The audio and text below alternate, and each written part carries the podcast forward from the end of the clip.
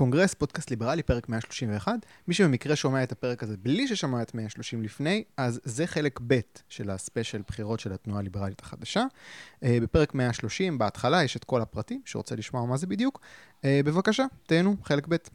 אוקיי, אז אני הולך לדבר עכשיו עם שגיא ברמק. אה, אני שמעתי את הפאנל שהשתתפת בו בכנס החירות האחרון. פאנל השקפות עולם מאדום לכחול. ו... אה, אתה לא מחובר למיקרופון. אני מחובר. אתה מחובר? הכל בסדר? אוקיי. אז uh, אתה השתתפת בכנס החירות האחרון, בפאנל השקפות עולם מאדום לכחול. היו שם את הסוציאל דמוקרט, הסוציאליסטית, היה שם את גלעד אלפר בתפקיד הליברטריאן הקיצוני, ואתה בתפקיד השמרן. היה פאנל מעניין, אני ממליץ לאנשים לחפש את זה ביוטיוב. שגיא, בוא תשחזר קצת את ההצגה שלך של מה זה הגישה השמרנית, אבל תתרגם לי את זה למה שאתה רואה בבחירות האחרונות, בחירות תוך חודשיים, כאילו, כשחשבתי שאנחנו מדברים כאילו עם מישהו ששמרן, אז בחירות פעם בחודשיים זה כאילו, לא נשמע משהו שמרני כל לא, כך. לא. אז, אז אולי דווקא נתחיל מהסוף, כן, בחירות תוך חודשיים הם לא משהו, גם לא, גם לא לליברלים, גם לא לסוציאליסטים, בטח שלא לשמרנים. בטח ובטח כשהסיבה לבחירות הללו היא די מוזרה, כן? אני לא חושב שמישהו באמת מבין למה הלכנו לבחירות הפעם, ככל הנראה איזשהו מסע נקמה של ליברמן, אבל לך תבין ולך תדע. בדוגע לחלק הראשון, אז תפיסה שמרנית היא תפיסה של חירות סדורה. כלומר, תפיסה פילוסופית, פוליטית, ששמה דגש מאוד מאוד מרכזי על חירות הפרט מצד אחד, ומצד שני, שמה דגש מאוד מאוד חזק על האופן שבו החברה שלנו מאורגנת וצומחת מלמטה כלפי מעלה, מהמשפחה, דרך הקהילה המקומית, הלאום וכולי, זה באמת הרגל אחד. על מה היא שמרנות.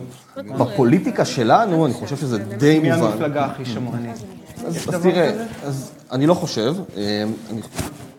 אינטואיטיבית אני אבוא ואני אגיד שהליכוד היא המפלגה בעלת השורשים השמרניים ביותר שיש, וספציפית אני מדבר פה על המסורת והמורשת של ז'בוטינסקי, כן? אז אם יש אב שמרני בפוליטיקה הישראלית, זה ללא ספק הוא.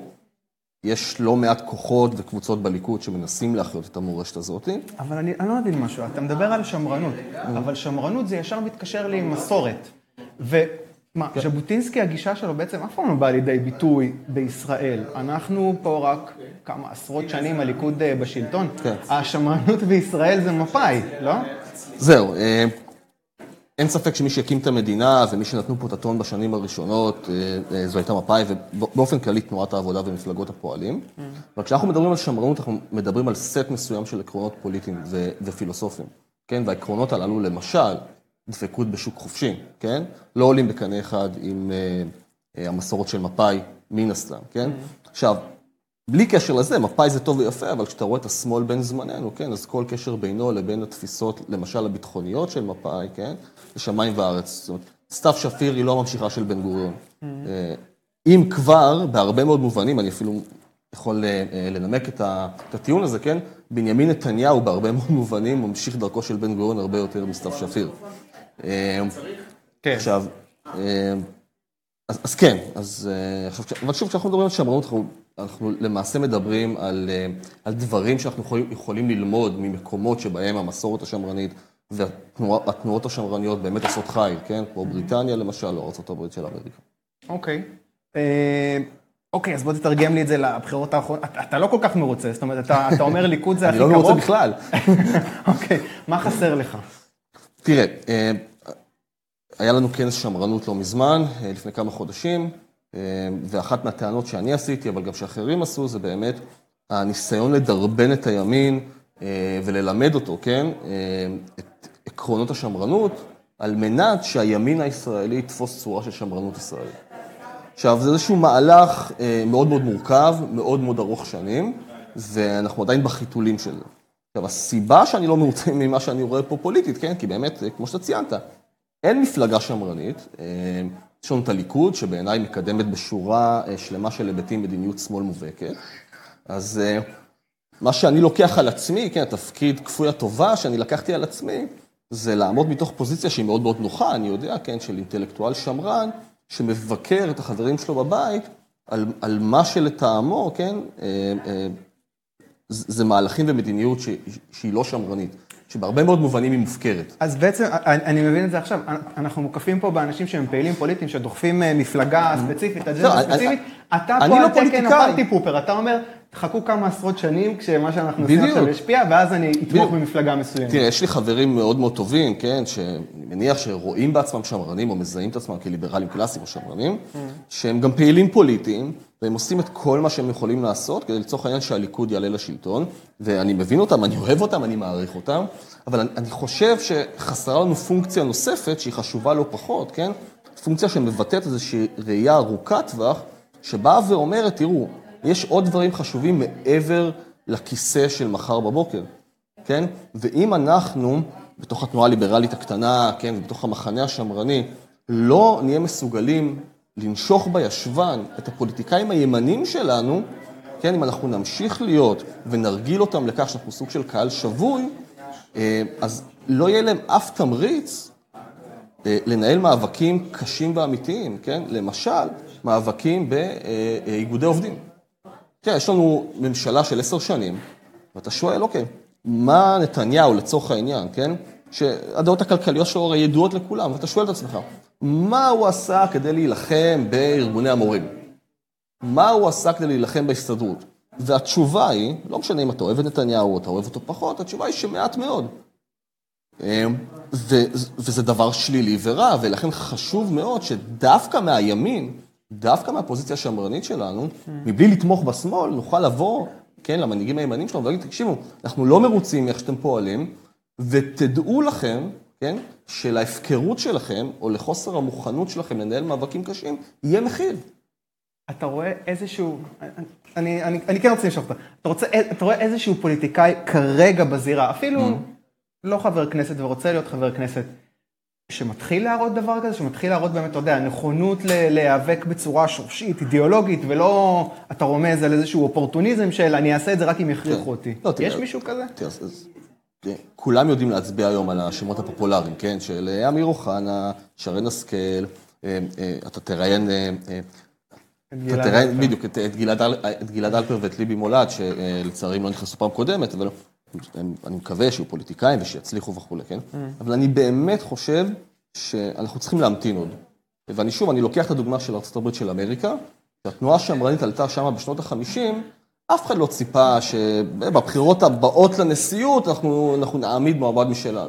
אבל היה ברור לאותם חלוצים, כן, שהם פועלים עכשיו לאורך שנים, אם לא עשרות שנים, ובאמת ראינו שהנשיא השמרן הראשון שעלה שם היה רייגן, הוא עלה בשנות ה-80, כן, שלושה עשורים לאחר שהתחילו את המהלך הזה. אוקיי. אז... אה, אתה אומר, חכה 30 שנה. תראה, אני- ז- זו בדיוק הבעיה בפוליטיקה דמוקרטית, כן? שאנשים רואים, אתה יודע, רק את מערכת הבחירות הבאה. ואני עכשיו, יש לזה מקום, מן הסתם, אתה לא יכול להיות אדיש למה שקורה כאן ועכשיו, אני אבל אתה להתחבר- חייב להיות מסוגל להסתכל קדימה. אני רוצה להתחבר לזה באמת, אתה כתבת באמת על הבחירות הקרובות ועל הקצת היסטריה הזאת שיש Mm. סביב אה, זה, שאם ביבי לא ייבחר עכשיו, אז זהו, זו הקדנציה הקובעת. אה, מה העמדה שלך בנוגע להיסטריה הזאת? אז תראה, יש לך שתי קצוות שבעיניי הם נורא נורא מצחיקים, כן? יש את אלה שאומרים שאם ביבי ימשיך אה, אה, בכהונה שלו, כן, ישראל תהפוך להיות מדינה פשיסטית, או... אה, והקולות האלה מגיעים בדרך כלל משמאל, והם נורא נורא מצחיקים בעיניי, הם לא רציניים. יש מהצד השני את הקולות המגזימנים מהצד השני, שבאים ואומרים, אם ביבי לא ייבחר, ואם חס ושלום מחר אה, גנץ יתפוס את המושכות, אנחנו נגיע פה לאוטובוסים מתפוצצים ולאוסלו ויעקרו אלפי יהודים וכולי וכולי וכולי. זו מעין הערצת מנהיגים, זאת אומרת, זו מנטליות כזאת של הערצת מנהיג, של המחשבה לפיה גורלה של המדינה, כן, מונח על כתפיו של אה, אה, אה, בנימין נתניהו, שוב, שהוא אדם מוכשר בסך הכל, כן, ויש לו הרבה מאוד כוונות טובות, אבל אנחנו, הגיע הזמן שנתבגר, ושנבין שסיסמאות בחירות הן לא באמת ניתוח אה, מיושב, ולכן זה נראה לי די מגוחך, בין אם ביבי יימכר, בין אם לא, אנחנו נקום מחר לעוד יום בינוני בפוליטיקה הישראלית. אתה אומר חודשיים מעכשיו, וגם אם בני גנץ או יאיר לפיד, או לא יודע, או אביגדור ליברמן, ראש ממשלה. אתה אומר, אפשר לשבת בשקט, מה שיהיה מול איראן, יישאר אותו דבר, אף אחד לא הולך לפרק את ההסתדרות, אף אחד גם לא הולך לתת להסתדרות להשתלט, יהיה more of, more of the same? כן, לצערי הרב. טוב, אוקיי. אה, אתה אמרת גם, חברים, אנחנו שרויים, אני מצטט מה- ממה שכתבת, אנחנו שרויים בעיצומה של אה, חש, חשיכת ימי הביניים בעולם הפוליטי, זוהי חשיכה פרסונלית, ריבוי חסר תקדים של פוליטיקאים בינוניים, וחשיכה רעיונית, אה, היעדרם של ערכים, עקרונות, תפיסות עולם אידיאולוגיות, וחשיכה מוסרית. זאת אומרת, הכשרתה של שחיתות ושל מידות רעות אחרות. עצתי לכם היא זו, משכו את ידיכם מהטינופת המתחוללת לנגד עינינו, והמתינו לעלייתו של דור חדש. אתה אומר לא להתפקד לליברלים בליכוד? לחכות ל- לדור הבא של הפוליטיקאים ש... אז תראה, אני, אני, אני, עוד לפני זה, אם יש משהו שמגלם את החשיכה הרעיונית, זה אם אני לא טועה, הרעיון, או השידור, השידור החי ברשת של אה, נתניהו, אם אני לא טועה, זה היה אתמול, שמצד ימין יושב אה, משה כחלון, מצד שמאל יושב משה פייגלין. אוי, זה היה מבאס. ואתה שואל את עצמך, אתה מסתכל על הדבר הזה, ואתה לא יודע אם יצחקו או לבכות. כאילו, זה פשוט מצחיק, כן? זאת אומרת, ברור לך שאם היינו לוקחים רעיונות ברצינות, כן? לא היינו מושיבים מצד אחד את מי שמזהה את עצמו כסמן ליברלי, וכמי שבפועל היה סמן סוציאליסטי, כן? זה הרי זלזול גמור במי שלוקח רעיונות ברצינות. זה, זה בנוגע לחשיכה הרעיונית. עכשיו תראה, אין לי שום דבר נגד הליברלים בליכוד, אני מאחל להם ולכל אה, ליברל שהוא הרבה מאוד הצלחה, אבל אני תמיד צוחק כשמדברים פתח על... תחזית, תראה, פתח תחזית. תראה, אני מאוד צוחק כשמדברים על הליברלים בליכוד. אני לא שומע על אנשים שמדברים על הסוציאליסטים בעבודה. זה ברור לכולם שהעבודה היא מפלגה סוציאליסטית, או על המסורתיים בש"ס. זה ברור, זה ברור, זה ברור לכולם שש"ס היא מפלגה מסורתית. עצם זה שיש הליברלים בליכוד, זה כבר איזושהי נו- נורה אדומה שבאה ואומרת לנו, בוא'נה, מפלגת הליכוד, כן, היא לא המפלגה של ז'בוטינסקי. וזו שאלה פתוחה, כן, האם המהלכים הנורא נורא, הנורא אה, מעודדים שרואים מצד הליברלי בליכוד יישאו פירות. זהו, הם אני- הפלטפורמה שלך, אבל אז, כאילו, אז זהו, אז, לקדם את הדברים אז, אז, האלה, לא? שוב, אז אני מאחל להם הרבה מאוד אה, הצלחה, כי הצלחתם היא גם הצלחתי, ועדיין לא הייתי שם את כל הביצים הליברליות בסל אחד, כן? אני חושב ש... אה, אה, בוא ככה, אני סקפטי מאוד בנוגע ליכולת שלנו ולאפשרות שלנו לשנות את הליכוד בצורה יסודית נורא. אולי עוד אה, אה, תקום בעתיד פלטפורמה אחרת אה, לרעיונות הליברליים והשמרנים. אוקיי, שגיא, אה, תודה רבה. בוא תישאר. רגע ותכיר את... אה, אתה מכיר, אבל בוא תגיד שלום לליבי מולד. אני אזכיר קצת. היי ליבי, מה קורה? אה, אני אזכיר, את עוד איתנו מהימים של עלי ירוק מ-2013. אני עוד ב- איתכם מלפני 30 שנה, לא נעים לומר. נכון, כן. בסדר, לא, אבל כאילו בשיח הליברלי, כן? אה, בבחירות האחרונות היית מספר 5 בזהות, ועזבת את זהות עוד לפני הפרישה שלה, מהקמפיין הנוכחי. כן. זו הייתה דרמה. אני רוצה שתספרי ככה בקצרה מה מה היה שם, למה עזבת את זהות. בזהות? כן, Give you all the dirt, כאילו, עכשיו, על ההתחלה? בקטנה. אה, ניכנס לזה בזה, אבל... אוקיי, זה לא היה כמובן על רקע אידיאולוגי. Mm. אה, מגיע לפייגלין ובכלל לזהות הרבה מאוד על, אה, על קידום השיח הליברלי, על זה שעשו קמפיין ממש מוצלח בהתחלה. דיברו על הרבה נושאים ליברליים, העלו את זה לשיח. זה בסוף בסוף היה על רקע של התנהלות, של נושאים של יושרה, של אה, אה, דברים שהיו בעיניי לא ראויים והתנהלות לא ראויה של אה, פייגלין ושל אה, כמה אנשים קרובים אליו בתוך, אה, בתוך זהות. Mm. אבל זה, אתה יודע, זה כבר לא חשוב, זה מאחורינו. זה אה, מאחורינו. אני נתקלתי בתמונה בפייסבוק, עבודת פוטושופ, תמונה שלך ושל גלעד אלפר ושל רפאל מינס עם כיתוב בוגדים. ההקשר זה התמיכה שלכם, אה, ההתייצבות אה, לטובת אה, ימינה של בנט. אגב, זה, לי זה נראה אה, שוליים, אבל כאילו כשראיתי את זה אמרתי, זה וואי, זה גם בטח- זה בתוך- בטח מפריע לכם. נכון, אז גם בתוך זהות זה באמת היה השוליים של השוליים.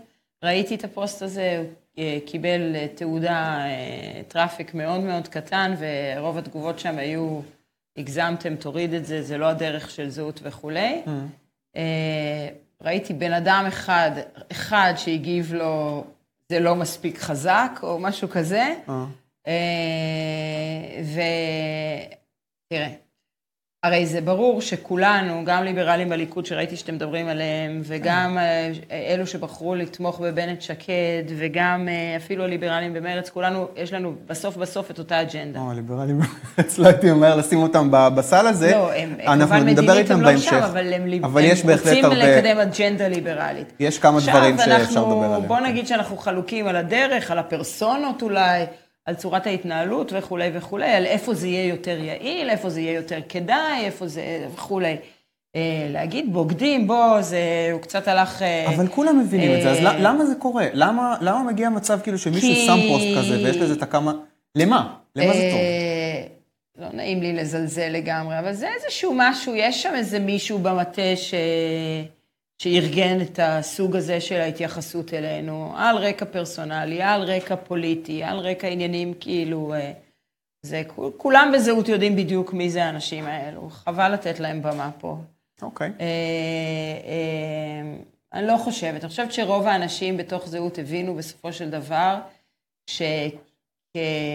שכמפלגה, הימין החדש, כמפלגה, עוד פעם, אתם דיברתם על זה שזה קצת בעייתי שבתוך הליכוד צריך להיות תא ליברלי וכולי.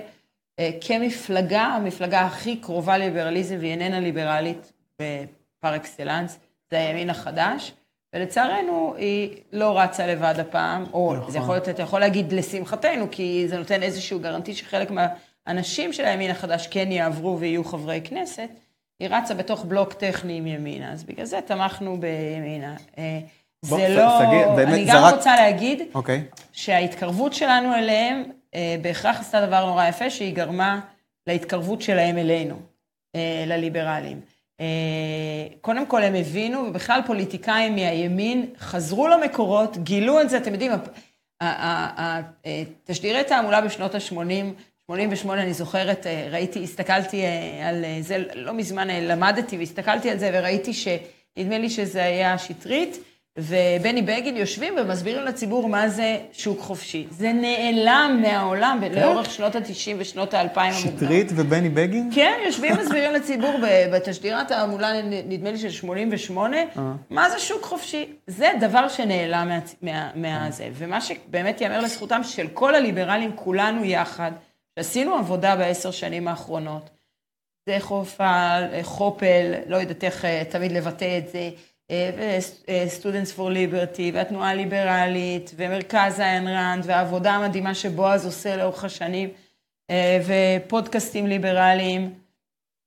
אה, עשינו ביחד איזושהי עבודה שאנשים מחפשים אלמנטים יותר ליברליים, כבר האוזן שלהם כרויה לזה. העבודה שפרופסור מואב עושה, אה, כאילו, הדברים האלו נכנסו קצת לתודעה, קצת, עוד לא מספיק. כן. אנחנו גם קצת חיים בתוך הבועה של עצמנו. טיפה. אה, אבל אה, אז, אה, אז זה עשה את העבודה, ואז בנט שקד הבינו שיש איזשהו אלקטורט כזה, ושזה טוב להחצין את זה החוצה. אני, אני, אני חולק על הפרשנות הזאת, כי באמת, זה כמה מאות אנשים, כמה אנשים יצביעו ל- לימין, ימין הימין החדש בגלל אג'נדה ליברלית? כמה לא, אנשים אז זה? זה, אולי זה, זה, יש אנשים, קודם כל כן, מצביעי זהות לשעבר, של זהות, כן, אה, אוקיי. היו 118 אלף איש, לדעתי היו הרבה יותר בפוטנציאל, שבסופו של דבר לא הצביעו בגלל הגוואלד של ביבי, בגלל הסרטון רגליים, בגלל כל מה שמדברים כאילו על זהות, אבל היה בפוטנציאל גם 200 אלף, ולדעתי בפוטנציאל היותר גדול, זאת אומרת, אנשים שהם ליברליים, אבל יש דברים אחרים שיותר חשובים להם. אה, אה, יש בפוטנציאל הרבה יותר, יש, אני מעריכה כמה מאות אלפים של אנשים שליברליזם הוא באיזה רמה, באיזושהי רמה, ליברליזם כלכלי באיזושהי רמה חשוב להם. את סקרנת אותי על מה שאמרת, אה, אה, פנית אה, לשגיא, אני רוצה לשאול אותך, אם אתה משווה את ה...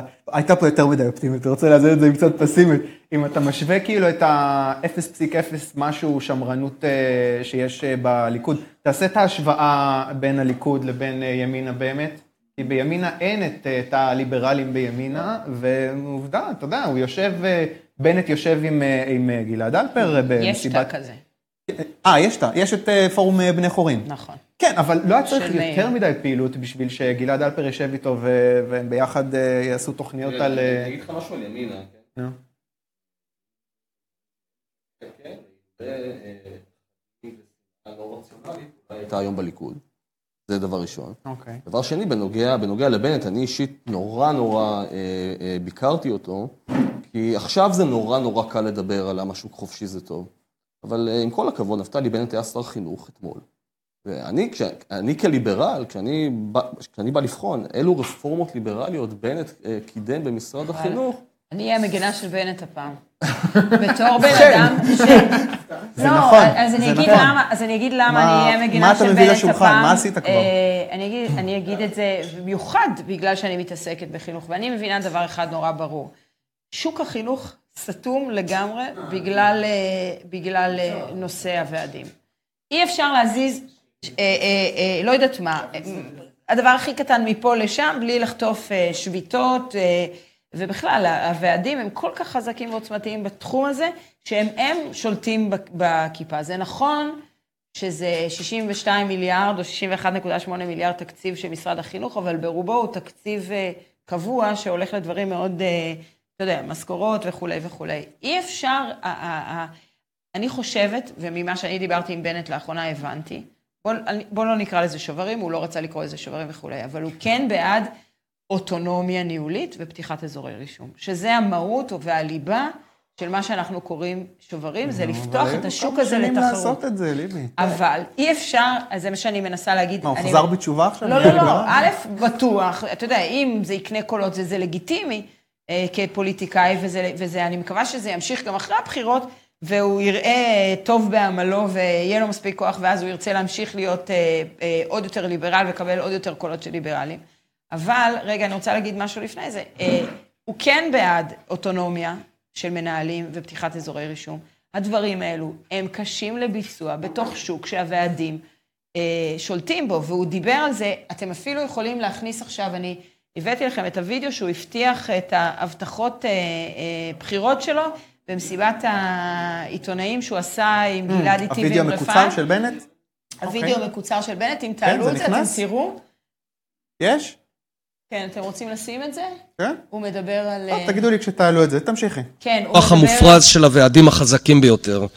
הנהגת דה-רגולציה במדינת ישראל כדי לטפס לעשירייה הראשונה בעולם בקלות עשיית עסקים. פירוק קרטלים ומונופולים, הורדת חסמי תחרות ויבוא, שחרור קרקעות המדינה שנעולות במונופול הקרקעות, שינוי חוקי העבודה כדי שתהיה הרבה יותר גמישות ואחריות לעובדים ולמעסיקים. נמשיך לפעול כפי שאיילת הובילה פעם ראשונה אחרי 40 שנה לשינוי מערכת המשפט כדי שהיא תתערב פחות בניהול ענייני המדינה והיא רק תשפוט ותפעל במקרי קיצון של אה, אה, שלילת אה, זכויות פרט ונפעל לקידום ריבונות ישראלית ביישובים היהודיים כתוב פה יישובים יהודיים, לא, בכל שטחי C, לא רק היישובים אלא כל שטחי C וכבר במשא ומתן הקואליציוני אנחנו מתכוונים לדרוש את צמצום כוחם של הוועדים ואיסור שביתה בשירותים חיוניים ונדרוש גם את מימוש נספח הקנאביס הרפואי שיחלץ אלפי חולים מסבל לא יתואר. בממשלה הקרובה אנחנו נדאג לתקן את העיוות שיצרה רפורמת הקנאביס. כל רופא ופסיכיאטר בישראל יורשה לרשום קנאביס לכל חולה על כל בעיה בכל כמות אותה יקבע הרופא. אם הציבור ייתן לנו כוח פוליטי מספיק, אז שני הדברים האלה הם בהישג יד. בעצם, זה בעצם, זה מה שהוא עושה, הוא מדבר על, אה, על אה, אה, צמצום כוחם של הוועדים כדבר ראשון, הוא רוצה להילחם, גם שקד אומרת את זה בריש גלי, וזה המפתח, קודם כל, לעשות שינוי אה, בתוך, אה, ב, ב, בחינוך בכלל בישראל. אני מאוד, זה נכון, זה נכון שהוא, אני לא מגנה עליו בזה שהוא אמר כן שוברים, ואחר כך אמר לא שוברים, ואני לא מגינה עליו בקטע הזה. אני אבל, חושב- זה, אבל אני אה, רוצה אני להגיד חושב- גם, אם הוא ישנה, בוא נגיד שהוא היה נגד, והוא משנה את דעתו בגלל ההתקרבות אלינו, אדרבה ואדרבה. אני לך שמח, על זה, זה. זה סימן טוב, אבל חובת ההוכחה היא עליו. נכון. אני רוצה לשמור את העניין של הוועדים אה, אה, לגלעד אלפר, או שהוא עכשיו אה, אה, תכף הוא יצטרף. יצטרף אה, אלינו, כן, תכף כן. יצטרף אלינו. אנחנו בוא נהיה- נדבר, אבל, לא, לא, בוא נדבר רגע על אה, אה, לגליזציה. כן. אוקיי, מה הסיכוי שהאג'נדה הזאת תקודם אה, בכנסת הבאה? מי דוחף את זה? אני עוד לא מבין מי בעד ומי נגד זה. זה נראה כאילו, זה נראה כאילו, זהות, הכניסו את זה לשיח, ואז כל מפלגה כזה, אנחנו כן הולכים עם זה, אנחנו תראה, לא אני הולכים אסביר עם לך זה. מה קורה. בקטע של, ה... בקטע של? החולים, כולם מבינים כמה זה אכזרי, הדבר הזה, שאנשים, אתה יודע, אוטיסטים, חולי פרקינסון, חולי סרטן, אנשים שסובלים מכאבים, לא מצליחים לקבל, בגלל כל הרפורמות הבאמת הזויות שנעשות בישראל לא מצליחים לקבל את התרופה שהם זה. אז זה, זה אבל זה קל כאילו, קל למכור לעצמי, טוב, אם זה רק לחולים וזה וזה. אנחנו, אני וגם גלעד וגם רפאל, והרבה מאוד אנשים שהם ליברלים אמיתיים, מדברים על להוציא, להפוך את זה לדקרימינליזציה, סליחה על ה... ובאמת, להוציא את זה מפקודת הסמים המסוכנים, להפוך את זה לדבר, אתה יודע, זה כמו, להבדיל, הרבה יותר, הרבה פחות מזיק, כמו אלכוהול. לא יכולה להבין, לא מצליחה כאילו להבין איזה אינטרסים זה מונע מאיזה שהם פחדים קמאיים של כל מיני אוכלוסיות. אני רוצה הימורים, הימורים. הימורים. יזוז עם זה משהו בכנסת הקרובה? אני פסימי. לצערי, אני סקפטית. מי הבן אדם בכנסת שידחוף דבר כזה? מי האנשים? שרן. נו. אוחנה, אני מקווה. אוקיי. שקד, שקד רפואי בטוח. אוקיי. אני מקווה שגם בנט. ואני, אם ביבי,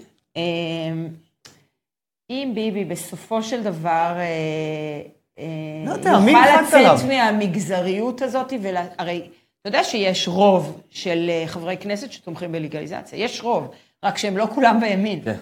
אז, אז אם, אתה יודע, רחמנא ליצלן, תתעלו שנייה מה, מהאינטרסים המגזריים שלכם ותעשו משהו לטובת עם ישראל כולו. ואפשר, מה, לא היה חוקים ש, שפייגלין היה חתום עליהם עם, לא יודעת מה, עם דב חנין?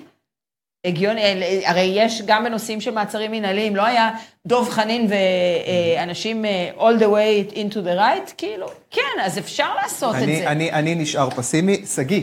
גם אני לך, קצת. תודה רבה, וגלעד אלפר יצטרף אלינו עוד רגע. גלעד אלפר. כן, ליבי, יש לך תוכניות להמשיך עם ימינה? אולי להשתבץ ברשימה הבאה שלהם? תראה.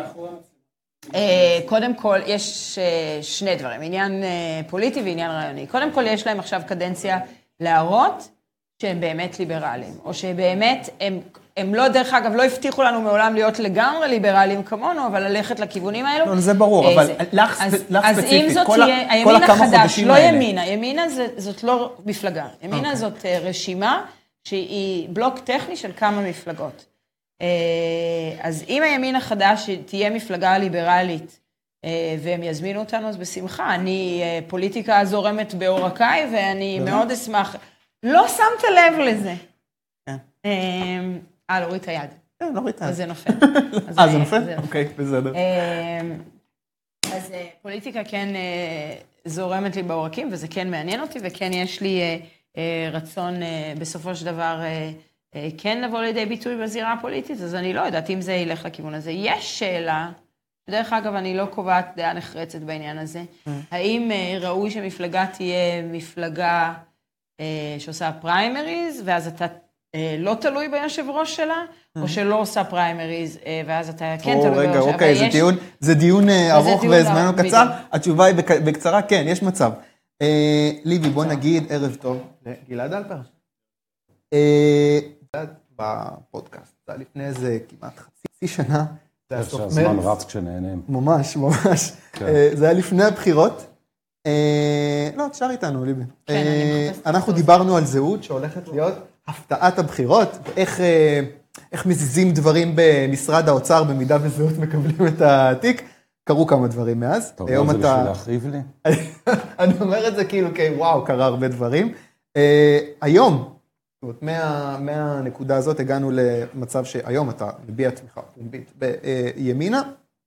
אני רוצה שגם תתייחס רגע לעניין הזה שדיברתי קודם עם ליבי, התייחסות אליך, אל ליבי, אל רפאל, כבוגדים, הפוטושופ הזה של שלושתכם, עם הכיתוב הזה שמישהו פרסם. באדום נוטף. כן, באדום נוטף. אז אני כאילו אומר לעצמי, אני רואה את זה ואומר, בואנה, יש פה כמה מאות אנשים שסוחבים כאילו 90 אחוז מנסים לקדם את אותה אג'נדה, לא משנה אם זה בליכוד, או בימינה, או במרץ אפילו. מה זה כל הכעס הזה? אתה יכול להבין את זה? אני חושב שאנשים בטעות מתייחסים למפלגות בצורה יותר מדי אמוציונלית, זה בסך הכל כלי לקדם מטרות שאתה מאמין בהן. זהות מן הסתם עוררה הרבה אמוציות טובות ורעות, טובות אצל אנשים ליברליים, רעות אצל אנשים קצת פחות ליברליים.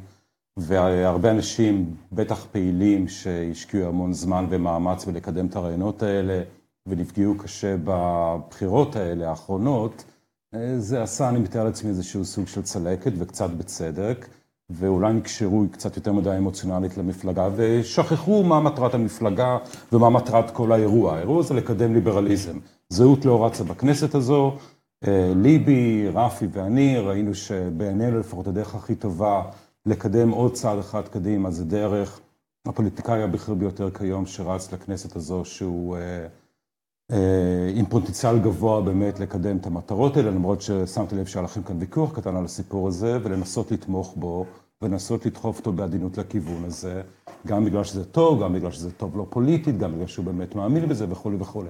מה שאני רוצה להגיד שהכל, הכל נעשה בצורה רציונלית לקדם ליברליזם. זה. אוקיי. לפני שנדבר על העניין הזה של באמת המלחמה שלו בוועדים, לא, אתה יודע מה, בוא נדבר על זה עכשיו. אתה ישבת איתו, והוא אמר, אני בהסכמים הקואליציוניים, נכניס את העניין הזה של מלחמה בוועדים. למה? למה שהוא יעשה דבר כזה? מה האינטרס שלו? זה להיכנס כאילו ב... אני קצת כאילו רואה את זה ואומר, כן, בטח, ברור. אומר את זה עכשיו, כאילו, מה... תראה, הספקנות הזו היא מובנת, אני מתאר לעצמי, אבל צריך לזכור שלפני שעושים פעולה, חייבים לפחות לבטא בכל תא הכוונה. ללא המילים גם לא תבוא הפעולה אחרי זה, אז כמה שאתה מפקפק במילים, בלי המילים לא יהיה את הצעד הבא. אז טוב שמישהו אומר את זה. עכשיו, למה הוא אומר את זה? אני מניח שיש כאן באמת שילוב של שני דברים. דבר ראשון, הוא באמת מאמין בזה. אתה יכול לפקפק או לא לפקפק, אבל הוא באמת מאמין בזה. ועכשיו הוא גם מגלה שיש לזה כנראה, לרעיונות האלה, לסחורה הזו, יש קונים. כמה בדיוק קונים, האם זה 200 אלף כמו שליבי טוענת, אולי קצת פחות, קצת יותר, אני לא יודע. אבל זה דבר שהוא מאמין בו. כפוליטיקאי מאוד חשוב שתהיה לזה תמיכה ציבורית, תמיכה אלקטורלית ותמיכה ציבורית, שזה לא בדיוק אותו דבר, תכף אני אדבר על זה. ולכן פתאום זה מתכנס לאיזשהו משהו שאולי יקרה. עכשיו, צריך לזכור, המאבק הזה, אם הוא יקרה, ואני מקווה שהוא יקרה, זה הולך להיות מאבק שמבחינה ציבורית הולך להיות מאוד קשה. כולנו יודעים את זה. זה יהיה כרוך בשביתות, זה יהיה כרוך במסע ציבורי עם מלא השמצות, ויפגינו מול הבתים של כל האנשים שמקדמים את זה, ויהיה מאוד לא נעים. הדרך היחידה לדעתי לצאת למאבק הזה, זה במחשבה שהציבור, לפחות חלקו, באמת מאחוריך.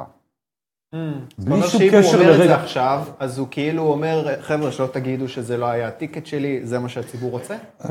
תראה, גם זה נכון, אבל אני חושבת על משהו אחר, שהוא רוצה לצאת למאבק כל כך קשה, שבו הוא סובל, המשפחה סובלת, כולם סובלים, הרבה יותר קל הרי לשבת על הידיים ולא לעשות שום דבר, ולשמור את שקל תעשייתי, אבל אם יוצאים למאבק הזה, שהוא עוד פעם הולך להיות מאבק מלוכלך, לפחות הפוליטיקאי שרוצה להוביל את זה, צריך להיות משוכנע במידה מסוימת, שיש תמיכה ציבורית, שאנשים באמת רוצים את זה.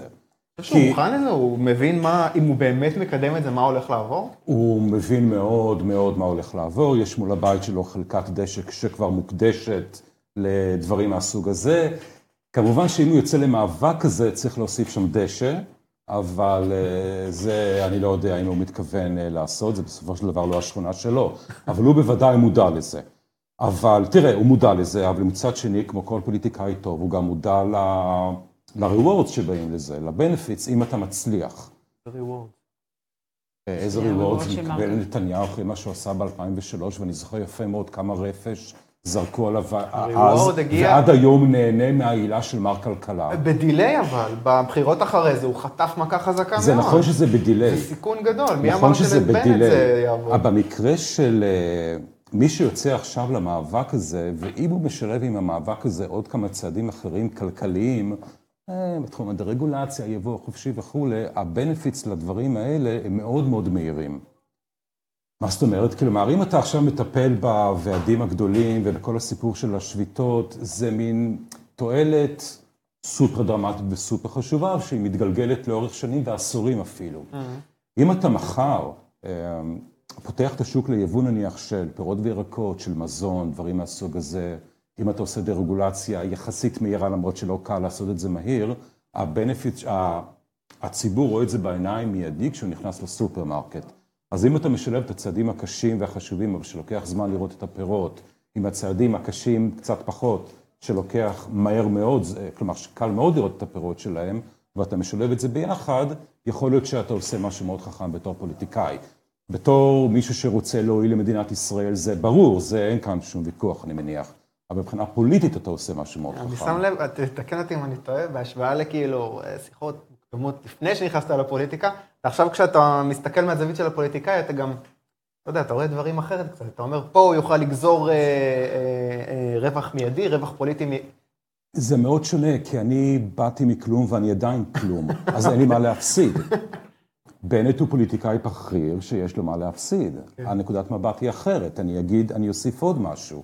בעיניי צריך לפתוח את שוק החקלאות ליבוא טוטאלי, לפרק את כל המועצות למיניהן, לעשות ליברליזציה כללית, לא לתמוך כספית בשום חקלאי, גם אלה שמגדלים לא יודע מה בבקעת הירדן. לדעתי אין בזה היגיון כלכלי, מוסרי, ביטחוני, ציוני, כל מה שאתה אוקיי. רוצה. את זה הוא לא יעשה. או, או, אבל כשאני מדבר עם בנט, וגם כשדיברתי, אפילו בכנס של זהות, שהיה יום לפני שהתברר שאין זהות יותר, דיברתי על זה שכנראה שלא תהיה ברירה מבחינה פוליטית, אלא לתת תמיכה ישירה לחקלאים, שיגדלו משהו באזורים שהמדינה מחליטה שהם חשובים מבחינה ביטחונית, כמו בקעת הירדן. למה? כי כנראה שמבחינה פוליטית אין ברירה. כמובן שצריך לזכור שהעלות של התמיכה הישירה בחקלאים האלה היא כאין וכאפס לעומת העלות של איך שהמערכת פועלת היום, אז עדיין התמורה, הפירות לציבור הישראלי יהיה ענק, אבל מבחינה כלכל... אה, פוליטית, אוקיי, אז אה, אי אפשר ללכת על 100 אחוז, אבל עוד פעם, החדשות הטובות שאם אתה עושה אפילו את ה-90 אחוז או את ה-80 אחוז, אפילו את ה-60 אחוז, הקפיצה שמדינת ישראל יכולה לעשות קדימה היא, היא, היא לא נורמלית. ועל זה אני חושב, דיברתי איתך בפודקאסט שלך, הקונגרס, הנה, אני אפילו קצת מקדם אותו בשבילך, כמה וכמה פעמים. הקונגרס. הקונגרס, עם יניב מנוס. הפודקאסט הליברלי ביותר שיש, ואולי גם היחיד. לא, יש עוד אחד. אה, יש עוד אחד. כן. שכל מה שמדינת ישראל הגיעה אליו, כל ההישגים האלה מגיעים על רקע של משטר כלכלי די מפגר. והמחשבה שמה שאפשר להגיע, מה שמדינת ישראל יכולה להגיע אליו, עם משטר כלכלי לא מפגר, זה, זה יכול לסחרר את הראש. זו הסיבה שאני נכנסתי לכל הסיפור הזה, כי זה פשוט מתסכל.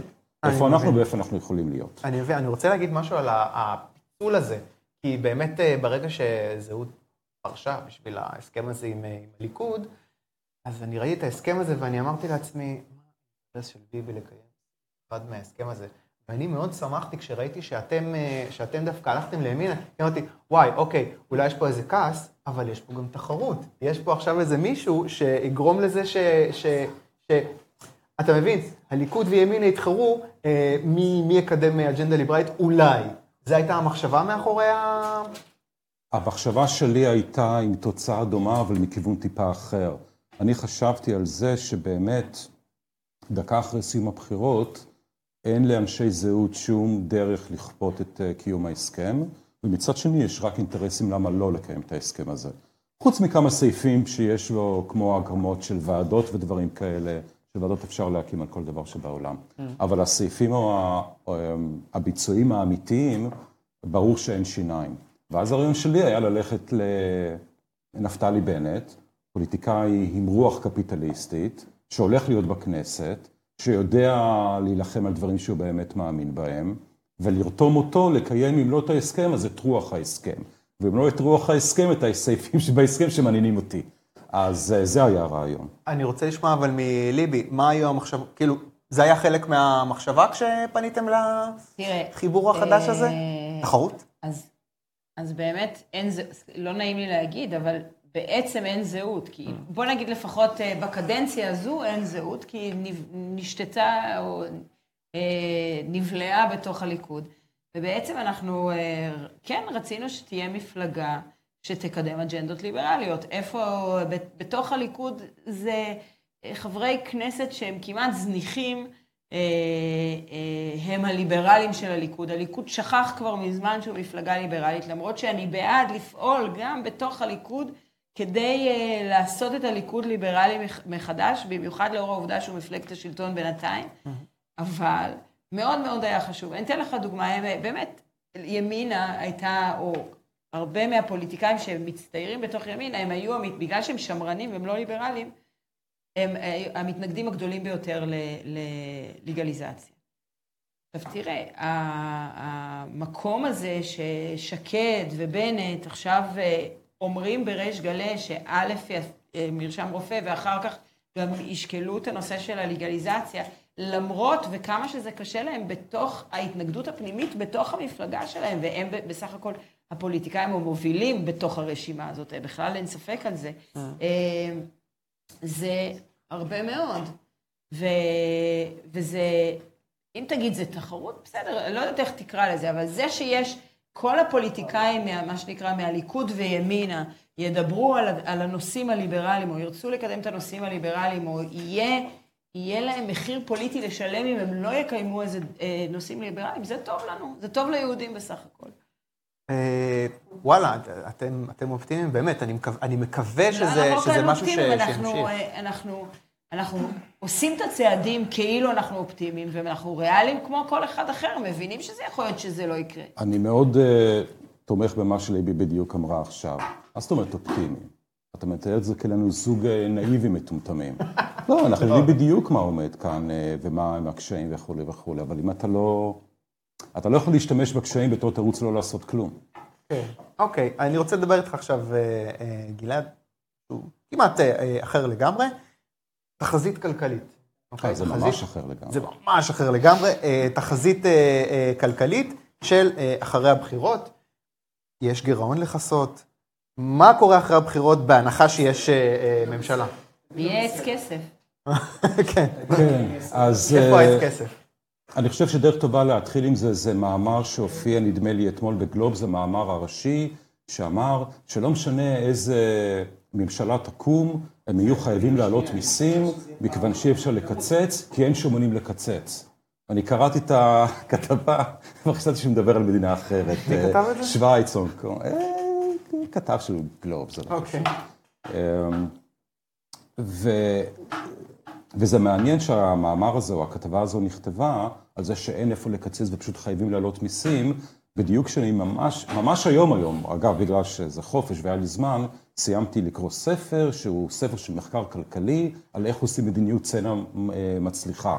במדיניות צנע בגדול אפשר לעשות אוסטריטי, אפשר לעשות בגדול דרך העלאות מיסים, או דרך קיצוץ הוצאות, או שילוב. ומה שהם מצאו בספר הזה, שמדיניות שמבוססת על קיצוץ הוצאות, היא הרבה הרבה יותר מוצלחת מאשר מדיניות שמבוססת על העלאת מיסים. אני בטוח שכולם כאן בהלם, אבל מסתבר שזה די, אה, שזה אה, אה, מבחינה אמפירית זה די מעניין, זה די מרעיש, whatever. אה, אני אני לא רוצה לשעמם בפרטים, אבל בגדול, כשאתה מקצץ הוצאות, אז הפגיעה בתל"ג היא הרבה יותר קלה, היא עוברת במהירות, ואפשר אפילו להגיע למדיניות. צנע מרחיבה. כלומר, שתוך כדי שאתה מוריד את ההוצאות של ה... של ה... תוך כדי שאתה מוריד את ההוצאות של הממשלה, התל"ג ממש עולה. כי הביטחון של, המגזר העסקי עולה, בגלל שרמת ההשקעות במשק עולה, כי ברור שבגלל שמורידים הוצאות בצורה אמיתית, אז המיסים גם ירדו בעתיד. מה שאני מנסה לחתור אליו, שהרעיון שאין איפה לקצץ בארץ, ומה שצריך זה להעלות מיסים בשביל לכסות את הגירעון, אני חושב שזו טיפשות כלכלית צרופה, ומה שצריך לעשות זה לקצץ בהוצאות. נו, וזה יקרה, בוא תן תחזית. אני יכולה להגיד, גם במש... אני אה. מדברת תמיד על משרד החינוך, במשרד החינוך שכבות הפיקוח לוקחות כל כך הרבה משכורות, שעכשיו הם גם מפריעים למורים, יגידו לך כל המורים, וגם מפריעים, הם נוס... אתה נושא נטל תקציבי בגללם. רק, רק על ידי זה שתצמצם כמה שכבות פיקוח, אתה תביא ל... ל... ל... אתה יכול להעלות משכורות של מורים. אני הוא רוצה, אני לא רוצה... מסכים, יש לו שפת גוף שהוא לא מסכים. לא, לא לא, מסכים, אני רוצה, אני הוא מסכים מסכים, הוא תכף מאוד. מחבק לא, אותי. לא, אני מחבק, אבל מה, אני אני פשוט רוצה להתחבר למה שאמרת. יצא לפני כמה שנים לדבר עם יהודה הראל. כשהוא היה חבר כנסת, אחד הדברים שהוא רצה לעשות, זה לקצץ באמת בדיוק במקום הזה של מפקחים. בא אליו איזשהו פקיד מהאוצר, אמר לו, תקשיב, אפשר לקצץ שמה, הם לא עושים שום דבר, הם רק מפריעים, בדיוק מה הם שזה. ממש מפריעים. ולחסוך המון כסף. נכון. בא למנכ"ל המשרד אה, שלו, בא למנכ"ל המשרד שלו, אה, ואמר לו, הנה, זה מה שאני אה, רוצה לעשות. בא למנכ"ל משרד החינוך, אני חושב, אמר שזה מה שרוצה לעשות, זה לא מנכ"ל משרד החינוך. בא למי שצריך אה, להגיד, אומר לו, זה מה שרוצה לעשות, רוצה לקצץ את זה, הוא אומר, תגיד, אתה השתגעת? אתה לא יכול לעשות את זה. כי מפקחים, לא, משהו הרבה יותר טריוויאלי. כי מפקחים זה הדרך היחידה להעיף אה, מנהלים לא טובים. אבל זה אותו דבר.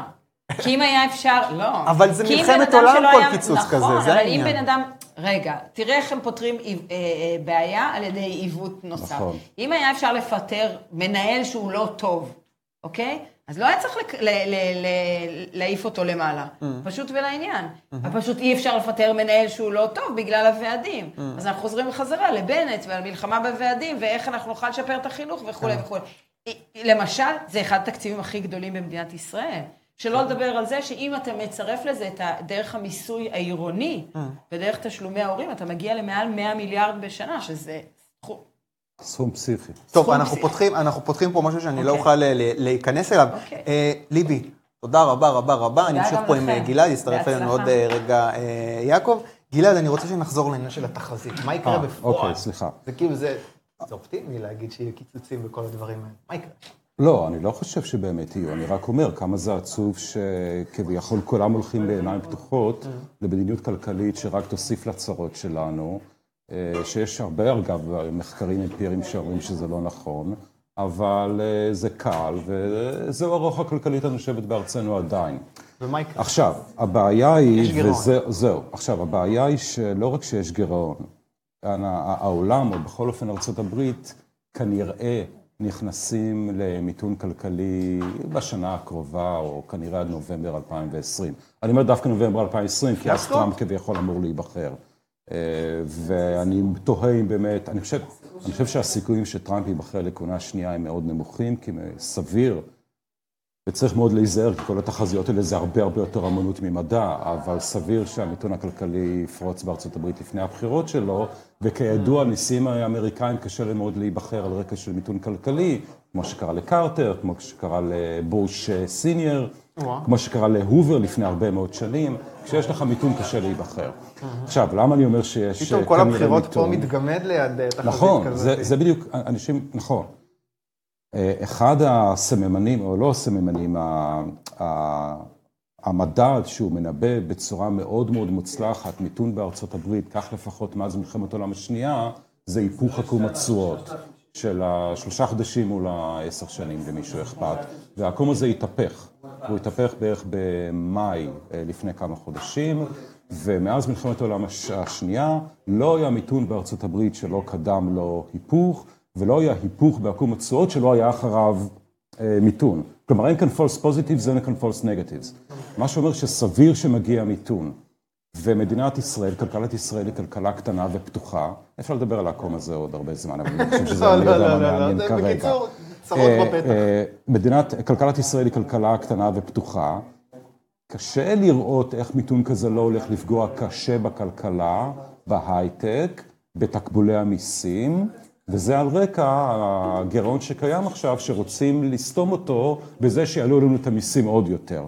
אז אני רק תוהה איך כלכלת ישראל הולכת להיראות בשנה, הקרוב, בשנה הקרובה, או שנה וחצי הקרובות, ואני חושב שמה שהולך לקרות בשנים הקרובות הולך להיות מאוד מאוד שונה ממה שקרה בשנים האחרונות. כי בשנים האחרונות השגשוג החלקי של כלכלת ישראל היה על רקע של התרחבות כלכלית בקצב זה או אחר בכל העולם. והולך להיות מעניין מאוד לראות איך אנחנו מתפקדים על רקע של מיתון עולמי, או על רקע של מיתון בארצות הברית, עם משטר כלכלי במדינת ישראל שהוא עדיין משטר מפגר. מה שאני רוצה להגיד כזה בסופו של דבר, שלשר האוצר הבא הולך להיות כנראה חיים לא פשוטים. ויש איזשהו, תק- אני, סקרנת אותי, יש איזשהו תקדים לעניין הזה של התמודדות של ישראל עם מיתון עולמי ואיך היינו? כן, בוודאי, בוודאי. היה לנו את 2002-2003, היה אז גם מיתון וגם אה, אינתיפאדה. אה, 2008 זה היה שונה כי איכשהו זה, ולפני זה מדינת ישראל הייתה כל כך, כלכלת ישראל הייתה כל כך מפגרת שאולי קשה להשוות. אבל שוב, אין ויכוח על זה שאנחנו כלכלה קטנה ופתוחה. אין ויכוח על זה שמיתון עולמי הולך להוריד את תקבולי המיסים ולהפוך מן הסתם את כולנו לעניים יותר. לדעתי אין ויכוח על זה, או, טוב, יש ויכוח, אבל שנינו בוודאי מסכימים שהמשטר הכלכלי בישראל הוא יחסית מפגר. אה, כל הדברים האלה ביחד אומרים ש... יהיה מעניין. שהולך להיות מעניין במובן הרע של המילה. עכשיו, ופה יכול להיות, אגב, שיש חשיבות יותר גדולה מהרגיל מי יושב במשרד האוצר. אוקיי. אה, מכיוון שכשדבר כזה קורה, אתה באמת יכול להגיב בכמה דרכים. אתה יכול להגיב במדיניות... אנחנו לא ניכנס ל- ל- ל- לאיך אפשר אה, אה, להגיב, פשוט אין לנו זמן. חבל, זה מעניין. אה, אני רוצה להציג את יעקב כהן. שלום וברכה. אהלן יעקב, יעקב, אתה עורך דין, אתה יועץ משפטי, אתה הקמת את האגף המשפטי, ב- אם- אם תרצו, אתה גם כותב במידה. אנחנו נדבר על שני דברים. אנחנו נדבר על מערכת המשפט, ואנחנו נדבר על ההשפעה של השיח הליברלי בבחירות. בוא נתחיל בשיח הליברלי. מה, ההשפעה של השיח אה, הזה על הבחירות? אה, שמעתי פה את אה, ליבי וגלעד, הם אמרו, אנחנו ריאליים, אני אפילו עוד יותר אה, אה, פסימי. אני לא רואה שיותר מדי משתנה, חוץ מזה שאנחנו פה כמה מאות אנשים שמחזיקים בעמדות האלה, ויופי לנו. כמה יש לזה השפעה מחוץ לבועה שלנו?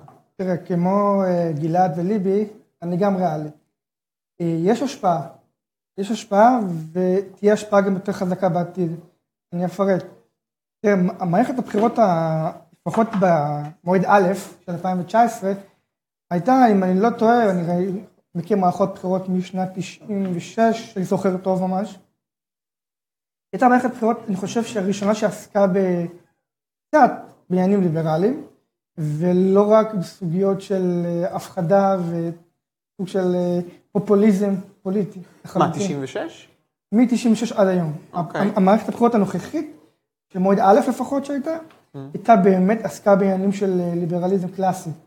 לפחות אה, ראינו את זה בא לידי ביטוי בהבטחות בחירות, או בקמפיינים שנעשו מפלגות כאלו ואחרות. אני חושב זהו, שזהות, זה יש לה הבטחות- חלק מאוד גדול בזה אגב. אני רוצה, אני רוצה לתת קונטרה לטיעון הזה, כי אני שומע את ההבטחות האלה ואני אומר, וואי, איזה יופי, ואז אני חושב רגע ואני אומר, רגע, זה פשוט עוד הבטחות שפשוט נותנים לכולם, לאלה מבטיחים שכר מינימום, מבטיחים לכולם, לוקחים את הקולות ועושים מה יודע, יש שאפשר. הבדל בין הבטחה להצהרה. כן. יש הבדל בין בן אדם שאומר, אני אעשה את זה, לבין בן אדם שנותן סוג של הבטחה ממש רצינית. כמו שנתניהו עכשיו נתן הבטחה לא מזמן שהוא יכריז על אה, ריבונות בבקעת הירדן. זה לא עוד הבטחה, זה הצהרה מדינית כן. בעלת משקל שסביר מאוד להניח שהוא יעמוד בה. להבדיל ממריחות, שהוא יודע גם לבצע את המריחות האלה. אוקיי, אז זה מריחות, אז- נראה משהו אז אה. תראה, אה, יש דברים שלדעתי הם יותר מריחות, אני חושב שכל הסוגיות של אה, להילחם בבירוקרטיה וברגולציה, אני לא באמת רואה איך מפלגות עושות את זה, אני כן יכול לראות איך הם מונעים רגולציה מיותרת, אבל אני לא רואה איך מקטינים רגולציה קיימת, לפחות לא בשנה, שנתיים הקרובות. אני כן רואה את העניין של הלגליזציה, כן משהו שיכול להתחיל כבר עכשיו. במיוחד שאנחנו. הופכים למעצמת אה, אה, קנאביס, אוקיי. בכל הקשור לייצוא. אוקיי. אני כן רואה את הסוגיה הזו מתפתחת. אני חושב שהשיח הליברלי בהחלט השתפר. כלומר, שתי המערכות הבחירות האחרונות היו מאוד רדודות, בסופו של דבר, הם לא עסקו יותר מדי בכלכלה, בחברה, עסקו יותר כן ביבי, לא ביבי, אה, הפחדות.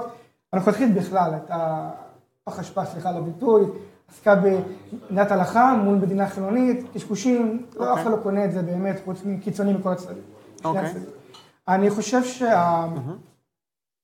המערכת הבחירות הקודמת, במועד א', כן עסקה בסוגיות ליברליות. כן, אני גם הכנתי פה שקופית עם הסוגיה, איזה מפלגות באמת התייחסו לנושא הלגליזציה. אנחנו רואים כמעט כל מפלגה דיברה על אי הפללה, או היא דיברה על, אה, על, אה, על לגליזציה מלאה. ממש כל מפלגה התייחסה לזה בצורה כזו או אחרת. חוץ מאולי שתי מפלגות. אוקיי. אה, הכנתי פה כל מיני שקופיות, הם אה, מקרינים אותן, גם על זה, גם על מלחמה בירוקרטיה, גם העניין של נישואים אזרחיים פתאום שמענו שמתחיל להתעורר פה הסוגיה הזו. אז כן יש איזשהו שיפור קל, אני חושב שככל והשיח הליברלי בציבור הרחב יגדל, הוא ישפיע גם בתוך הכנסת, כי פוליטיקאים לדעתי הם מובלים, לא מובילים, ככה אני רואה את הדברים. אוקיי, בוא נדבר עכשיו על אה, משהו אחר. נושא שאני מודה, אני לא, לא מכיר את זה כל כך. אה, בוא נדבר על מערכת המשפט. בתי המשפט אה, בישראל, הנטייה באופן כללי, אגב, אני כבר מכין אותך באיזשהו שלב, אנחנו כבר לפני עשר? מה השעה עכשיו? מה השעה? עכשיו נראה לי עשר, צריך להיות או, מדגם. עכשיו עשר. עכשיו... בואו נראה מדגם. אה, אוקיי, אז בעשר וחמישה אנחנו נעבור ל... אני פשוט תוך כדי מאזין פה ל, ל, לאנשים ב control. בעוד כמה דקות אני אצטרך לקטוע אותך, כי נעבור לארן אה, ורשבסקי, ייתן את הניתוחים, אה, אה, כל. המדגמים. בוא נדבר עכשיו בינתיים על מערכת המשפט. הנטייה באופן, נטייה באופן כללי לחשוב על שופטים, לסווג אותם כאו ליברליים או שמרנים. אתה מציע חלוקה אחרת. מה החלוקה? תסביר לי מה, למה. זה מיסקונספציה. הוויכוח, שאני הולך, הסוגיה שאני הולך לדבר עליה, היא סוגיה שקיימת בארצות הברית כבר 250 שנה, מאז ש- שהיא הוקמה למעשה. היא הדוגמה לדמוקרטיה המודרנית, ארצות הברית. יש ויכוח לא בין ליברלים לשמרנים, בין פרוגרסיביים לשמרנים. הסוגיה הליברלית, יש ליברלים שמגדירים לעצמם שמרנים, ויש ליברלים קלאסיים, ויש ליברטריאנים, ויש ליברטריאנים פרוגרסיביים, יש כל מיני, יש ספקטרום שלם של ליברלים. זה- אני לא ש- אני לא מבין מה זה משנה החלוקה הזאת. למה.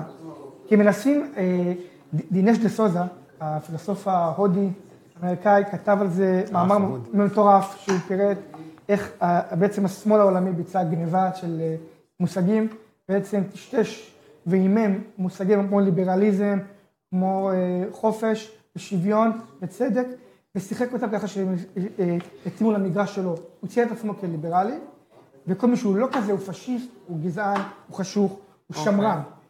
אז זה לא נכון. בתי המשפט מתחלקים לגישה פרוגרסיבית ושמרנית. מה היא אומרת למעשה?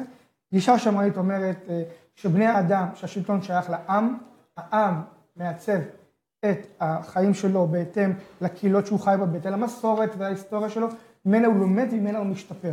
זה ככה בגדול. יש כמובן לזה הרבה מאוד הסברים עמוקים. הגישה הפרוגרסיבית אומרת שצריכות להיות אליטות שהן מורמות מהעם, הן לפעמים בוחרות את עצמם, יש סוג של בחירות לפעמים, הן בגדול מעצבות את דעת הקהל, אליטות צבאיות, תרבותיות, אקדמאיות, משפטיות וכהנה וכהנה.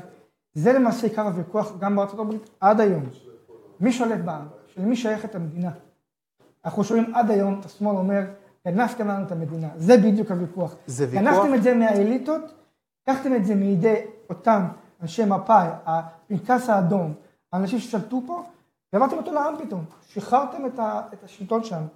זה, זה, זה התפיסה הבסיסית. כן. וכמובן שזה עוד הסברים פסיכולוגיים, אבל זה בערך ההבדלים. בית המשפט בישראל הוא מאוד מאוד פרוגרסיבי. תמיד היה? אה? תמיד היה? מההתחלה? אה, לא, לא, כמובן שלא. אה, מספיק להסתכל על פסקי דין של אדמונד לוי ושמג- ושמגר, ולראות שהם באמת אמרו, אנחנו בית משפט, יש עניינים שהם בין הנבחר לבוחר, אנחנו לא מתערבים בהם. יש ספר שהוצאנו באם תרצו, שנקרא דיקטטורה של בג"ץ, המהדורה השנייה, בשיתוף עורך הדין יורם שפטל, ספר שמומלץ לכולם, הוא זמין גם אונליין, אפשר לקרוא אותו, אני חושב. אפשר לראות שם דוגמאות מה בית המשפט היה ומה הוא היום, בדיוק החלוקה. כיום מה שקורה בבתי המשפט זה תהליך הקצנה, והוא נמשך עד היום, אנחנו רואים את בית המשפט הסטרואידים, אנחנו קוראים לזה, הם פשוט יורים לכל הכיוונים. אה, בתקופה של שקד הדברים לא השתפרו לצערי, עשתה המון טעויות. שר זה המשפטים. ישתנה בכנסת הקרובה? אה? זה ישתנה בכנסת? אם אמיר אוחנה יהיה שר המשפטים, ואם הם יצליחו לממש את חוקי המשילות שהם רוצים לבצע, אפשר הרי למנות יועץ משפטי גם משלהם, דברים כאלה, כן נוכל לראות שינוי. אם הפקידות תישאר במקומה, אותה אליטה יהיה מאוד קשה להזיז דברים. אני יכול להגיד לך, הרבה פעמים אנשים אומרים שבג"ץ לא פסל הרבה חוקים. הוא פסל הרבה חוקים, אבל זה לא, זה לא נגמר שם. לא יודע כמה חוקים לא עברו את מבחן היועמ"ש של המשרד, כמה חוקים נעצרים שם, להם זה לא בגיץ, או אני לא אגן על זה. אני לא מוכן לתת חוות יש דעת לך משפטית. דוגמה? אני רוצה להבין מה זה אומר. זה אומר שהיועץ המשפטי לא מוכן להגן על החוק. לא, חוק ספציפי ש- שהייתי יש אומר עליו, וואלה, אני. כרגע, אם אני לא זוכר בעל פה, באמת, אבל יש באמת דוגמאות. אוקיי. אני רוצה, אני יכול לשלוח לך פעם אחרת. אוקיי. דוגמאות חוקים של באמת שדיברו על משילות, שניסה להעביר אמיר אוחנה, שרן השכל, כאלו ואחרים, ופשוט אי אפשר לעבור את מבחן בג"ץ. ראינו לא מזמן איך שר המדע, אופיר אקוניס, היועץ המשפטי לממשלה לא אומר לו שהוא לא זכאי להגן על עצמו. כי אני קובע לך מה החוק, אתה לא תקבע. הוא לא מבוסס על זה על חוק או על, אה, פסיקה, הוא אומר פשוט, אני חושב שזה נכון. ויש סרטון שהכנתי, של מני מזוז, שמדבר בדיוק על הסיטואציה הזו. באחד מישיבות בכנסת, הוא דיבר שם, הוא בעצם הסביר איך אה, ליועץ משפטי לממשלה, גם אם אין לו חוק או פסיקה שבה הוא יכול לעגן את הקביעה שלו, יש לו אינטואיציה משפטית. שלפיה מדי פעם ציטוטים כאלה. זה מדהים אותי. יש לי את ההקלטה פה, שלחתי לכם אותה. יש את זה? יש את. זה? כן, יש את זה, אם אה, אפשר. להקרין, זה שלושה סרטונים קצרים של כל אחד דקה. אני רוצה, אני רוצה לשאול אותך קודם בקשר לגישה, לחזור רגע לנקודת מוצא, גישה אה, פרוגרסיבית מול גישה שמרנית. לי ישר זה צלצל כאילו, יש פה איזה עניין של... אה, אני מצטער, פשוט שמעתי פה בדיוק את ה... אה, ש- שירן אה, מוכן. אה, בסדר, אני, אני, רוצה, אני רוצה לפתח את הנקודה הזאת אחרי זה. בואו נעבור עכשיו. לרן אה, ורשבסקי. בוא נראה מה קורה. להקיש כן, תיקו. כן, תיקו. שלום לכולם. אז אה, קיבלנו את תוצאות המדגמים. אוקיי. שלום, שומעים אותי? כן, כן, שומעים אותך. מה מה תוצאות המדגמים? אז לפני שהיו תוצאות המדגמים דיברנו על זה שאנחנו צריכים קודם כל להסתכל על מפלגות עוברות לא עוברות, והמסקנה מהמדגמים היא חד משמעית. עוצמה יהודית לא עברה, אה, ועבודה גשר ודמוקרטיה עובדים, עובדים, עוברים עם ספייר, מה שנקרא. אם זאת האמת, אז ברור שהסיכוי לנתניהו לקבל 61 הוא מאוד מאוד נמוך. זה שגם לפי המדגמים אה, יצא בין 57 ל-54 לגוש הימין. בכל זה הערוצים? אומר שהסיכוי שנקבל... מה, סליחה? בכל הערוצים? בכל הערוצים. בערוץ אה, 13, 54 לימין, בערוץ 1, אני חושב, 57 לימין, בערוץ 2, 56 לימין. או להפך. וואו. בכל מקרה, הסיכוי שיצאו בתוצאות האמת 61 לימין הוא נמוך. אבל זה לא כך משנה אם יש לנתניהו 59, או 58, או 57, או 56, או 54, או 60, זה אותו דבר.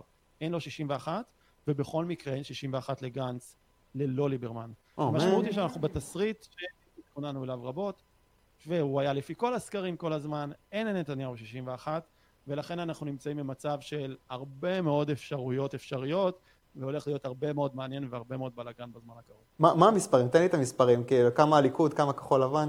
אני סקרן. אה, אני פשוט יושב פה אני ואני לא רואה את ה... את ה-. מה? הליכוד וכחול לבן, הדבר הראשון שמאוד הפתיע אותי, נו. זה הכמות הנמוכה של מנדטים לליכוד וכחול לבן. בערוצים השונים זה משהו כמו 33 כחול לבן, 31 ליכוד, או 32, 32, אוקיי, באזור הזה. אוקיי. אה, ש"ס ויהדות התורה מקבלים שניהם 8 או 8 ו-9. שם ימינה מקבלת באזור 6 עד 8 בס- בספרד כזה. כמה? כמה ימינה? פעמיים 5 פעם 6. ימינה בין 6 ל-8. אוקיי. אה, אה, מחנה דמוקרטי קיבל פעמיים 5 ופעם 6, עבודה גשר פעמיים 5 פעם 6, וישראל ביתנו באזור 8-7 מנדטים. זה פחות חשוב הכמות המדויקת של המנדטים. כל עוד בטוח עוצמה ליהודית לא עברה, וכל עוד בטוח השאר עברו, ואין, מש... ואין 61 לימין, אנחנו בעצם באותו משחק. אז עוד מנדט לכאן או לכאן לא ישנה את אותו משחק, והמשחק הוא שנתניהו יכול להרכיב ממשלה אך ורק עם מפלגה נוספת לא מהגוש שלו, בין אם זה ישראל ביתנו ובין מפלגה אחרת. גנץ לא יכול להרכיב ממשלה באופן ריאלי בלי הליכוד, ומכיוון שהוא מחרים את הליכוד בהנהגת בנימין נתניהו, אין לכאורה אופציה להרכבת ממשלה, זאת אומרת מישהו צריך לוותר על משהו. אגב, דבר אחד כן מעניין, אם המדגם של ערוץ 13 צודק, וזה מאוד מוקדם לדעת מתוצאות האמת, ויש רק 54 לימין ו-6 לעבודה, זה אומר שתסריט הליכוד עם העבודה לא מספיק לנתניהו. שזה מפתיע מאוד. אם הייתם אומרים לי לפני הבחירות, לפני הבחירות שיכול להיות שהליכוד עם העבודה לא יכולים לעבור 61, או הימין עם העבודה, הייתי מופתע. אז המ... בוא נניח שזה התסריט שנראה הפחות סביר כרגע מהמדגמים, אז לנתניהו נשארו כל האופציות הרגילות הסבירות, הפתוחות להקמת ממשלה עם איזושהי התפשרות. בין אם ליברמן יתפשר, מכיוון שלמשל הוא יבוא לנשיא ויגיד אני רוצה ממשלת חירום חילונית, נתניהו יגיד בלב ברירה כן, גנץ יגיד אני לא מוכן אה, לשום רוטציה או ממשלה עם נתניהו, ליברמן יגיד ניסיתי, לא הצלחתי, ישיג הישגים ויצטרף לממשלה. או שגנץ בכל זאת יצטרף לממשלת רוטציה עם נתניהו, או שנתניהו יגנוב את ה... אה, יעשה הסכם העבודה, או יגנוב חלק מחברי הכנסת מכחול לבן, או, או שנתניהו יחליט שהוא פורש, זה גם אפשרות אמיתית שיכולה להיות, במיוחד אם הוא יראה שהוא נכשל, הוא יעדיף לפרוש ולא להיכנס לאיזה. ממשלה באיזה קונסטלציה שלא נעימה לו. הרבה דברים יכולים לקרות, ואנחנו הולכים להיות בשבועות מאוד מעניינים, לדעתי לא נדע מה בדיוק קורה בשבועות הקרובים, ייקח זמן עד שהדברים יתגבשו. טוב, אוקיי, זה רק אה, מדגמים, אה, אז, אז באמת קשה לדעת אה, עד התוצאות אמת. אוקיי, אבל וואי, מבאס לשמוע, באסה. אה, למשל במדגם של 12, כן, בבחירות הקודמות, אה, מינה צמח אמרה 60 לגוש הימין, כולל ליברמן, נו. והם בסוף קיבלו 65. אבל זה חריג נדיר. כל שלושה מדגמים אמרו את זה, אני יכול להעריך בזהירות שהסיכוי של נתניהו יהיה 61, נמוכים מאוד. הייתי כרגע מעריך אותם בפחות מ-10%. אה, אוקיי. אה, הרן ורשבסקי, תודה רבה לך על הניתוח הזה. אה, אני רוצה לחזור אליך, יעקב. קודם כל צדקת, דיברנו לפני זה ב- אמרתי לך, חרדים. יגיעו ליותר מ-16 כנראה, כן. יש סיכוי שאחת מהמפלגות השמאל לא תעבור, הם שניהם עברו, האמת שזה כי הגוואלד של כחול לבן לא הצליח. ואני אגיד לך משהו אחד, כי לא על זה באנו לדבר כרגע, אני רואה כן, את זה זה פתאום ככה, גונב את הפוקוס או קצת, אה? שיהיה, לא. ליברמן יכול להתקפל בסוף ולהגיד לבוחרים שלו, "הצ- הצ- השגתי הישגים במשא ומתן הקואליציוני, אני נכנס לליכוד, איתם, או שאנחנו הולכים למועד ג'. אה, יש גם אפשרות של ליברמן ראש הממשלה עם גנץ ברוטציה, אגב, שלא מדברים על זה. ליברמן יכול להציב לגנץ תנאי כזה, אני ראש הממשלה איתך, זו אפשרות תיאורטית תלושה, אבל היא קיימת. אני לא חושב, אני חושב שעוד שיהיה מועד ג' שיהיה ממשלת ימין, לא יהיה פה אחדות חילונית, אני לא רואה את זה מחזיק מים, אה, יותר משנה, שנתיים ממשלה כזאת. זה למשוך, זה ללעוס את הדבר הזה סתם. ניסינו את זה עם לפיד, לא, לא עבד. אני, אומר לך, אני מנסה להבין מה זה אומר מבחינתנו לקדם אה, אה, אג'נדה ליברלית. פתאום כאילו זה עוד פעם... מלחמת אה, הרעיונות, מלחמת הרעיונות לא יכולה להיגמר. לא, אני אומר להפך, אני אומר, תראה, כל הכמה חודשים האלה, יש לי את הפודקאסט שבו אני עושה אקטואליה מזווית ליברלית. ואני אמרתי לעצמי, טוב, אין לי מה לעשות עכשיו, כי זה עכשיו תקופת בחירות, כולם מדברים ואף אחד לא יודע מה יהיה, ולא קורה שום דבר בפועל. ועכשיו כאילו זה עוד פעם הולך לקרות. תראה, אני למדתי מדגמים, שתוצאה של המדגמים תמיד יש לה סטייה. Mm-hmm. 3%. עכשיו, mm-hmm. אם יקרה מצב תיאורטי והליכוד יתאפס לאזור ה-35, כמה אמרו שיש לליכוד? הליכוד 31? אני חושב שהם יגיעו טיפה יותר גבוה, זו הערכה שלי, אני לא רואה אותם נצג ב-31. אה, במיוחד שאחוז הצבעה גבוה. אה, אני מאמין שהם יגיעו לאזור ה-35, אם זה מגיע אולי יש אפשרות. אני לפני הבחירות לא הייתי בטוח, אני הייתי אופטימי בזווה, בבחינה הזו שאמרתי, אין סיכוי שיאיר לפיד יהיה ראש ממשלה, אז ככה אמרתי, זה לא יקרה. היה לי ברור, אבל כן הייתי דאגן, האם יהיה פה בכלל ממשלה.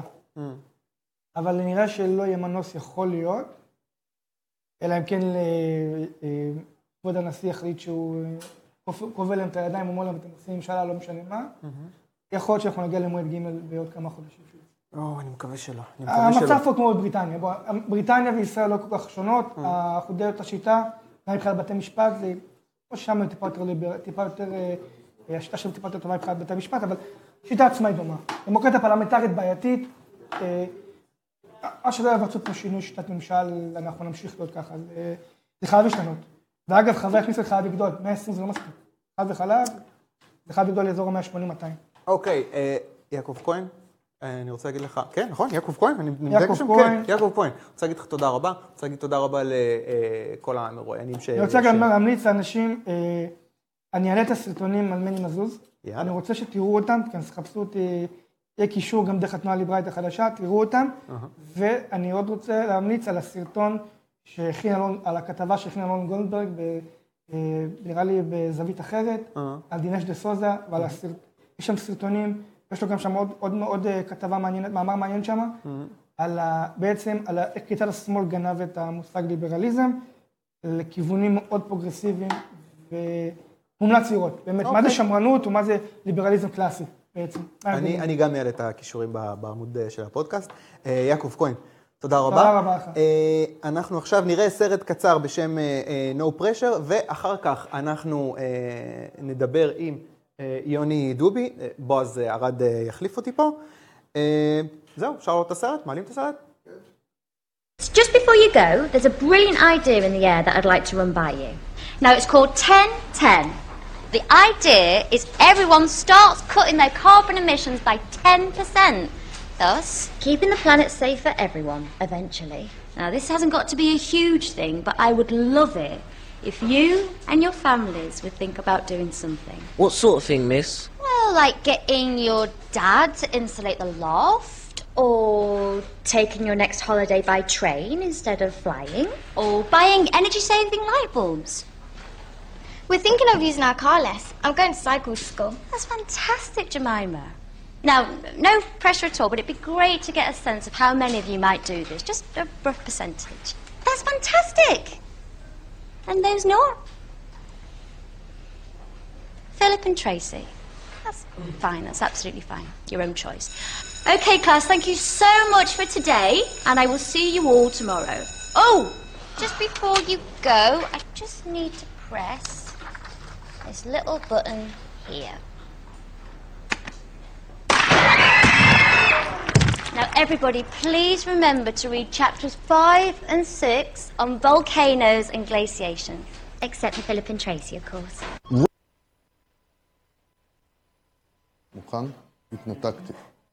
okay חזרתי אליכם, ואני נמצא עכשיו עם אה, פרופסור יוני דובי מהמחלקה לכימיה באוניברסיטת בן גוריון, וכמובן, no pressure, חבר'ה, אנחנו פתחנו פה עם איזשהו סרט שישמש לנו כמבוא לדיון במצעים הירוקים אה, של המפלגות שלנו שרצות, ופחות או יותר זה אה, הרשימה הדמוקרטית, אה, כחול לבן יצאו עם מצע ירוק, והאם האם יש לנו באוויר את התמונה של המצעים הירוקים?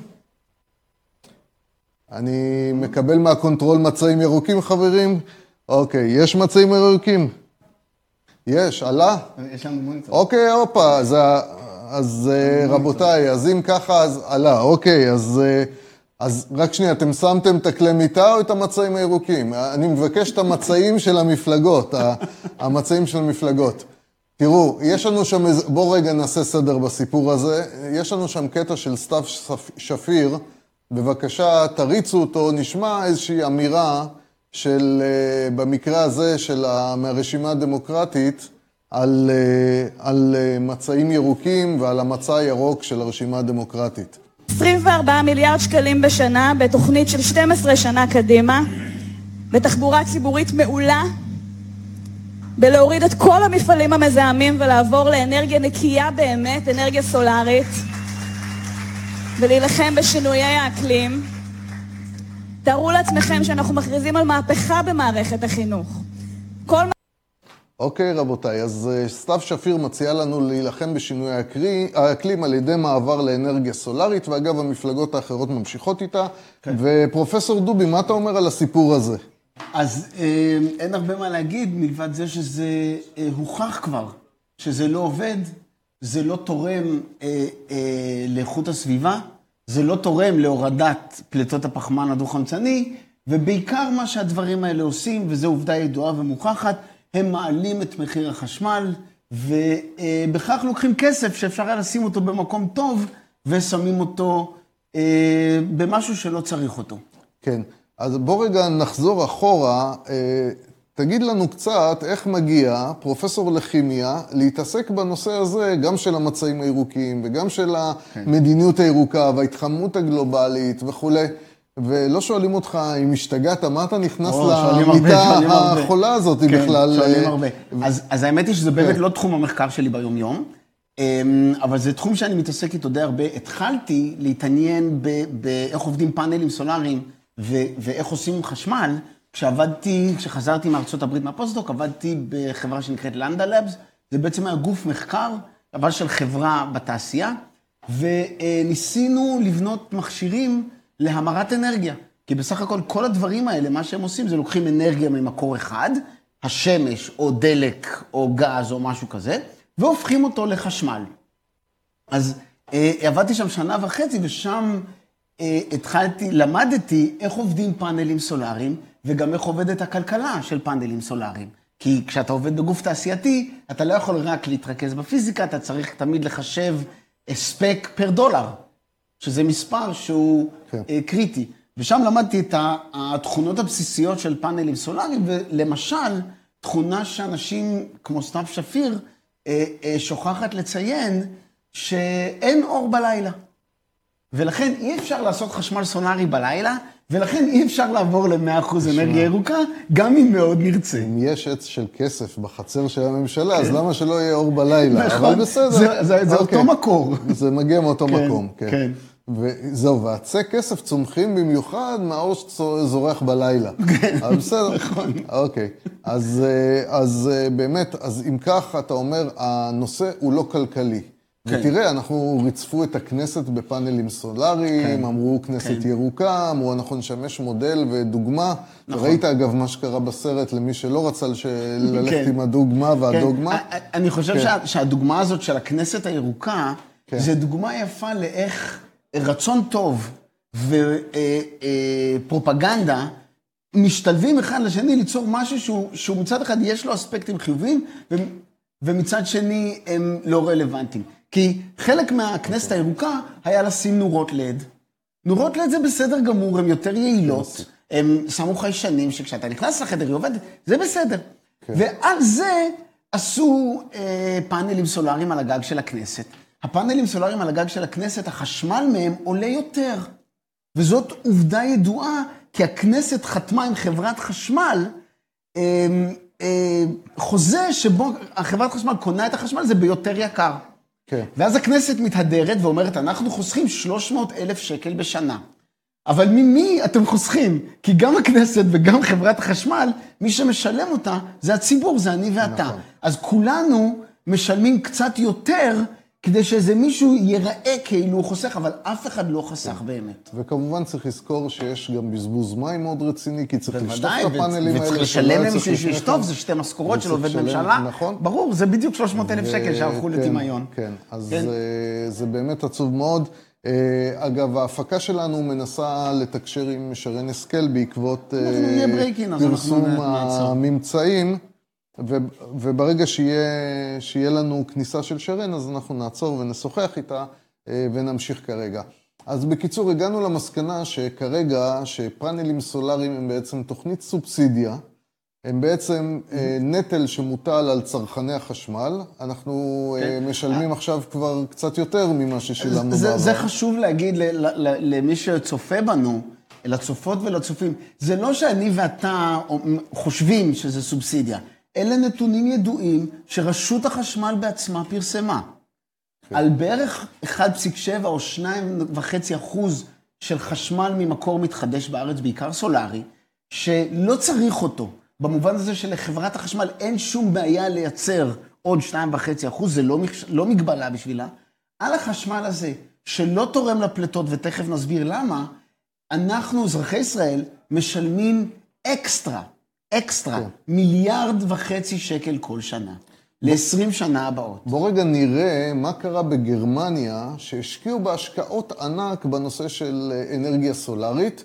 אה, אם אתם יכולים בקונטרול להעלות את הגרף של אה, הורדת הפד"ח, יש? אוקיי. מה אתם נכון. מראים? יש לנו את הגרף? אוקיי. מצוין, אז תכף יעלו את הגרף, אנחנו הם, נתחיל הם העלו את לדבר. הגרף, זה הגרף של אה, הפליטות או הגרף. כן, של, אה, העלויות? נכון. הפליטות. יש לנו את הגרף כרגע און, אנחנו רואים קצת בעיכוב פה. בסדר אז. לצורך העניין אתה יכול להסביר את הגרף אני הזה. יכול להסביר מה, אנחנו הולכים לראות. גרמניה עשו ניסוי אדיר, במשך כמעט 20 שנה הם עוברים בתוכנית שנקראת אנרגי ונדה, מהפך האנרגיה, הם עוברים מאנרגיות ממקור אה, מאובני, בעיקר אה, אה, פחם וגז. לייצור חשמל, לאנרגיות ממקור מתחדש, בעיקר רוח ופאנלים סולאריים, בעיקר רוח. כן. אמ, ומה שהם עשו, הם השקיעו על זה בערך טריליון יורו. טריליון זה מיליון מיליוני יורו. על סקאלה של 20 שנה, זה, זה פשוט המספר ל, ל, ל, שנותן לנו מספר סקאלה. פנטסטי מספר שלא פנטסטי נתפס, של- אה, בדיוק, זה קשה מאוד כן. להבין. זה סדר גודל של, של, של תקציבי מדינות. כן. אמ, ומה שקרה, זה שבסקטור האנרגיה, הנה רואים את הגרף, אז הנקודות הכחולות שהצופים רואים בגרף, זה אחוז החשמל המתחדש מתוך כלל החשמל הגרמני. ורואים שהיה עלייה איטית בהתחלה, מתחילת שנות ה-90 עד בערך תחילת שנות ה-2000, הם עלו מ-2% חשמל מתחדש לבערך 5, ואז הייתה עלייה אדירה, ששם הושקע רוב הכסף, ושוב, זה סובסידיות. זה כסף אקסטרה לייצור החשמל הזה, ועלו מ-5% ל-36% או 37% חשמל מקור מתחדש. כן. ומה שאנחנו רואים בנקודות הצהובות, זה את פליטת הפחמן הדו-חמצני בסקטור האנרגיה הגרמני, ורואים שעיקר הירידה, זה מדוגמה לשנת 1990, עיקר הירידה קרתה בתקופה שבה כמעט לא הייתה השקעה באנרגיה מתחדשת.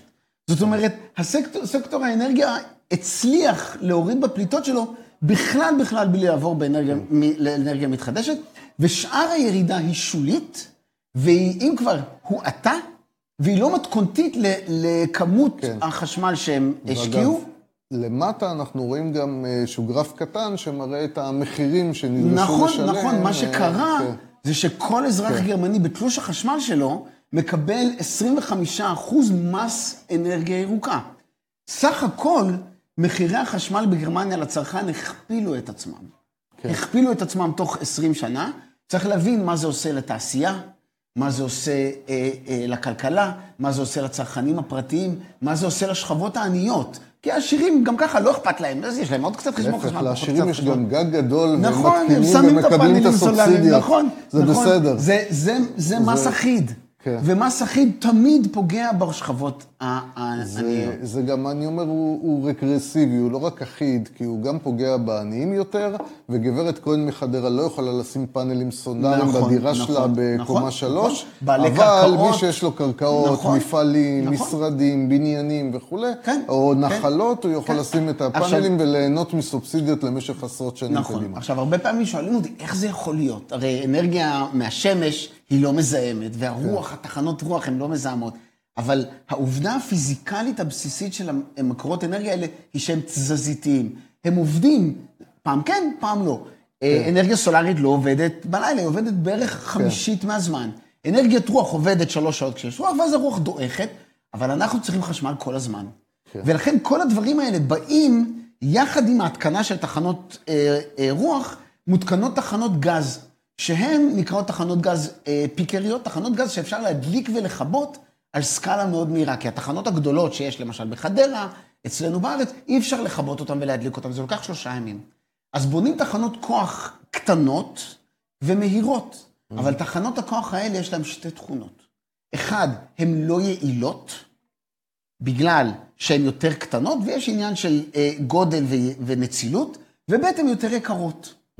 והיות והן עובדות אה, אה, בצורה לא יעילה, הן פולטות יותר פחמן דו-חמצני, או פחות או יותר אותו מספר של פחמן דו-חמצני, כמו שחסכו הפאנלים הסולאריים. כן. ולכן, גם מבחינה פיזיקלית, אנחנו מבינים למה אין ירידה בפליטות פדח. כן, אז תגיד לי, שאנשי המקצוע, המהנדסים, מבינים את העניין, או, הם יודעים את זה בוודאי. מבינים את העניין. בוודאי, בוודאי. איך אנחנו שומעים עכשיו הצעות מדיניות כאלה מטעם מפלגות שמחזיקות אה, את מעצמם מומחים, מבינים, אנחנו רואים את זה נכנס לכנסת, אנחנו רואים נכון, את זה נכנס לכל נכון. מקום, ואנחנו אה, שומעים למעשה תעמולה מבוקר עד ערב, איך אתה מסביר את התופעה הזאת? אז אה, קודם כל, תופעות חברתיות תמיד קשה לי להסביר, כי זה לא תחום המקצועיות שלי, אבל אה, כל הדברים האלה נובעים מדבר אחד פשוט, בורות. זה אה, אה, המכה החולה של כל התחום הזה, של אנרגיה ירוקה ושל סביבה. אנשים שמאוד רוצים לעשות טוב, ומלאי כוונות טובות ו- ועליונות מוסרית ו- ו- ודברים כאלה, אבל הם לא מסתכלים על הנתונים. וגם המצביעים שלהם לא מסתכלים על הנתונים, וכולם ביחד חוגגים איזושהי כוונה טובה, ולא מבינים שהם עושים נזק במקום לעשות תועלת. וכשאני אומר נזק, אני ממש מתכוון נזק, כי כן. המיליארד וחצי שקל האלה, וזו דוגמה שאני נותן הרבה, אבל חשוב להסביר לצופות ולצופים את הסקאלה הזאת. המיליארד וחצי שקל שאנחנו כל שנה משלמים ל-20 שנה הקרובות, זה פי שלושה מתקציב תוספת סל הבריאות. נכון, הוועדת הסל שמתכנסת ורבים, איזה, איזה תרופות ייכנסו ואיזה תרופות לא ייכנסו, והטרגדיות האלה. נכון. זה, היה אפשר לסגור את התחנה באשלים, שלא תורמת לסביבה ולא תורמת ל, ל, לחשמל, ולקחת את כל הכסף הזה, לשים אותו בתקציב סל הבריאות ולגמור את הדיונים פעם אחת. כן. נדמה לי שאם הייתה נסגרת התחנה באשלים, היינו גם יכולים להרוויח שטח לעיר כמו גבעתיים ורמת גן. בטח, כי זה בטח. עשרת אלפים נכון, אה, נכון, נכון. קילומטר מרובע. נכון. זאת אומרת, זה חתיכת שטח רציני מאוד, שזה בוודאי, גם אחד וזה ההיבטים. פוגם בסביבה. אתה, אה, זה זיהום אור או זיהום ויזואלי. אתה נוסע בכל רחבי הנגב, ומכל נקודה בהר הנגב אתה רואה את זה. כן. איך שאתה עובר את העלייה מבאר שבע לרמת חובב, יש לך בעיניים את המגדל אור הזה, שאי אפשר לא להסתכל עליו.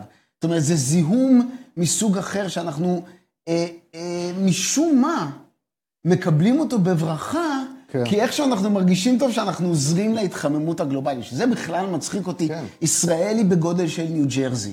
אגב, יש אה, תופעה מעניינת, אגב, לאחר כל ההשקעות, וגם ההשקעות הצפויות, למשל, בהסכם פריז, אתה הבאת לנו כאן איזשהו גרף שמראה מה המשמעות של ההשקעות במידה ויתממש הסכם פריז, ויהיו כל ההשקעות האלה ויתבצעו, איך זה ישפיע על ההתחממות הגלובלית. נכון. ואני אבקש מהקונטרול שיגידו לי אם הם העלו את הדף, כן?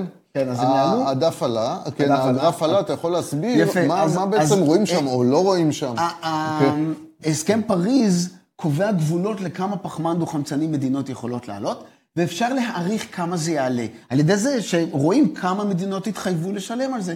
והמדובר הוא על טריליון יורו בשנה. זאת אומרת, מה שגרמניה השקיעה ב-20 שנה והגיע לאפס תוצאות, הם רוצים להשקיע כל שנה. עכשיו, גם אם לוקחים את הנתונים האלה, ולפי הדוחות של ה-IPCC שמים את הירידה בכמות הפחמן הדו-חמצני, רואים שאם ישקיעו בהסכם פריז ל-20 שנה, תהיה ירידה של סביבות 0.05 אה, מעלות בטמפרטורה הגלובלית. ואם יעשו את זה ל-70 שנה, זאת אומרת 70 טריליון יורו, תהיה ירידה של 0.17 מעלות. זאת אומרת, כולם יודעים... 0.17 מעלות. זאת אומרת, זה לא יעזור לכלום, אפילו אם אתה מאוד מאוד רוצה להת... להילחם זאת בהתחממות אומרת, הגלובלית, הטרמומטר שלנו בבית לא ימדוד את זה. שום טרמומטר לא ימדוד את זה. כן. ו- ויודעים את זה. זה מספרים שלא אני נותן. זה מספרים שנותנים החשבים של ה-IPCC. כן. אז אה, אה, זה באמת משוגע. אני, אין לי, באמת, אין לי הסבר אחר ל- לרעיון הזה של כן. הסכמי פריז. טוב, אז אנחנו, אם אנחנו ככה נסכם את הסיפור שלנו, אז בעצם אנחנו מגיעים למצב שבו, אה, נקרא לזה מדינות המערב, הולכות עם הראש בקיר, אה, מבזבזות, שופכות סכומי כן. עתק של כסף, מייצרות מיסים אה, עקומים, רגרסיביים, עם תוצאות אפס. כן. עכשיו- אה, לכאורה גם התוצאות שאפילו אם לא מתווכחים אם צריך להשיג אותם או לא להשיג אותם, הן לא מושגות בשיטה הזאת. נכון, עכשיו, אגב, אני רק... לא כל מדינות המערב, יש שתי דוגמאות מפורסמות מאוד, שיש... מתחילים ל- לראות את השינוי. דוגמה אחת זה כמובן ארצות הברית, שהנשיא טראמפ נסג מהסכמי כן. פריז. אני פשוט חושב שהוא ראה את הגרף הזה, שאני הראיתי לך כן. עכשיו. ואוסטרליה, באוסטרליה היו בחירות ממש ממש לא מזמן, ואחת האג'נדות המרכזיות בבחירות האלה היו מחירי החשמל והעלות העתידית של מעבר לאנרגיות ירוקות, והוחלפה הממשלה ממש על הנושא הזה. כן. אז בחלק מהעולם מתחילים לראות את המציאות ההנדסית-כלכלית שאי אפשר להימנע זאת אומרת שאנחנו קוראים את המאמרים בעיתון שאומרים הממשלה חייבת לנקוט עמדה, הממשלה חייבת לעשות דברים, הממשלה חייבת לעשות, אם אנחנו נלמד מהניסיון של אוסטרליה ומדינות אחרות שהממשלה נקטה עמדה, עשתה דברים וכולי, הדברים האלה כנראה יובילו להורדת הממשלה אה, זה- זה שתנקוט את ממש מה המצעדים שקרה האלה. באוסטרליה, כן. אה, כן, וזה כמובן במדינות שאפשר עוד אה, להחליף בהן שלטון, אז יכול בוא להיות שהנושא. הסביבתי פעם יהפוך עוד לנושא להחלפת שלטון. נכון, עכשיו אני, פה. רק, רק כן. עוד הערה, זה טוב שיש אה, אה, דיונים על, על סביבה, ושהנושא הסביבתי הוא במצע של מפלגה שהיא, אתה יודע, יכול להיות שתהיה מחר מפלגת שלטון, אנחנו עוד לא כן, יודעים. נכון, זה, זה נמצא שם במצע. מעבר אגרסיבי לכיוון אנרגיה. נכון, ירוקה. עכשיו, וזהו, וזה הנקודה. במצע יש גם דברים טובים. למשל, ניהול קרקעות. למשל, עצירה של בניית יישובים חדשים וצירוף ליישובים אחרים. למשל, עידוד בנייה לגובה. זה דברים שהם נכון. טובים לסביבה. אז אה, אה, צריך להפריד בין להגיד, או, כל המצע הוא רע, לבין להסתכל על נקודות מסוימות. הבעיה היא שהנקודות האלה הם אה, הדגל. הם הדגל הפופולרי, הם הדגל שאיתם הפופולרי, אנשים נותנים נאומים. חוצבי להבות, נכון, כיוון נכון. שמצילים את העולם. זה תמיד יותר טוב. מסתם להציל את השכונה נכון, ולמצוא נכון. פתרון דיור לאנשים שקשה להם לגור נכון, באזור. אבל זה, אז, זה אה, באמת בעיה, כי אה, צריך להפריד כן. את זה. טוב, אני אשאל את הקונטרול שלנו אם אתם אה, הגעתם לשרן, או שאנחנו... אה, אוקיי, אז, אה, אז אנחנו... אוקיי, אוקיי. אז אנחנו עוד מעט, אנחנו נעבור לארן ברחובות על מנת לתת לנו את הפידבקים אחרי ההלם נראה, הראשון. זה לילה שמח. ואני רק רוצה להגיד לכם, אני תכף, אחרי הרן אני אפרד מכם, ויצטרף אלינו, יחזור אלינו יניב מנוס מהפודקאסט הליברלי.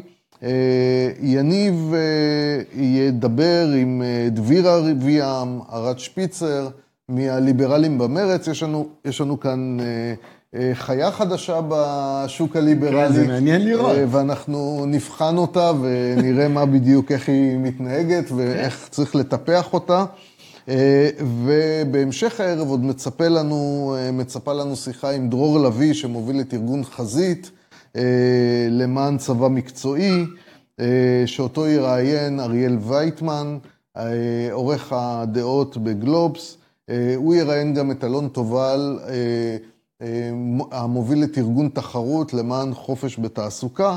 ואנחנו נחתום בסוף הערב עם אה, שיחות גם עם חברים מ-Student for Liberty וגם עם חופל, נראה איך המסיבת של, שלהם מתקדמת. אה, איפה הבירה? ואני מודה לכם מאוד, ואנחנו נעבור עכשיו אה, לארן עם ארן מוכן. ארן מוכן. ארן מוכן, כן, סליחה. שלום רב. ארן, שלום רב, מה שלומך? אתה רואה, אנחנו חוזרים לשוחח. ואיך אתה, איך אתה רואה את הדברים אחרי שהיה לך עוד קצת זמן לעכל את המדגמים? כן, מקודם זה היה קצת מיד אחרי המדגמים. אז בעצם הדבר שבעיניי הכי בולט בתוצאות זה הדיוק המדהים של הסקרים. אם אני מסתכל על ממוצע הסקרים מהשבוע האחרון, אז חוץ מעוצמה יהודית שלא עברה והרשימה המשותפת שקיבלה קצת יותר, או הרבה יותר אפילו, אה, הסקרים פגעו ממש בצורה מאוד מאוד מאוד מדויקת, וזה אומר שעשו עבודה טובה הפעם, עם המדגמים כמובן צודקים. בכל מקרה, מה שמעניין אותנו מבחינה אה, פוליטית, קודם כל ברמת המפלגות, הצלחה עצומה לשתי המפלגות החרדיות. כי אם ש"ס תקבל שמונה, תשע מנדטים ויהדות התורה מקבלת שמונה, זה אומר שלעומת הבחירות הקודמות תוספת של בין 20 ל-40 אלף קולות לדערכתי למפלגה.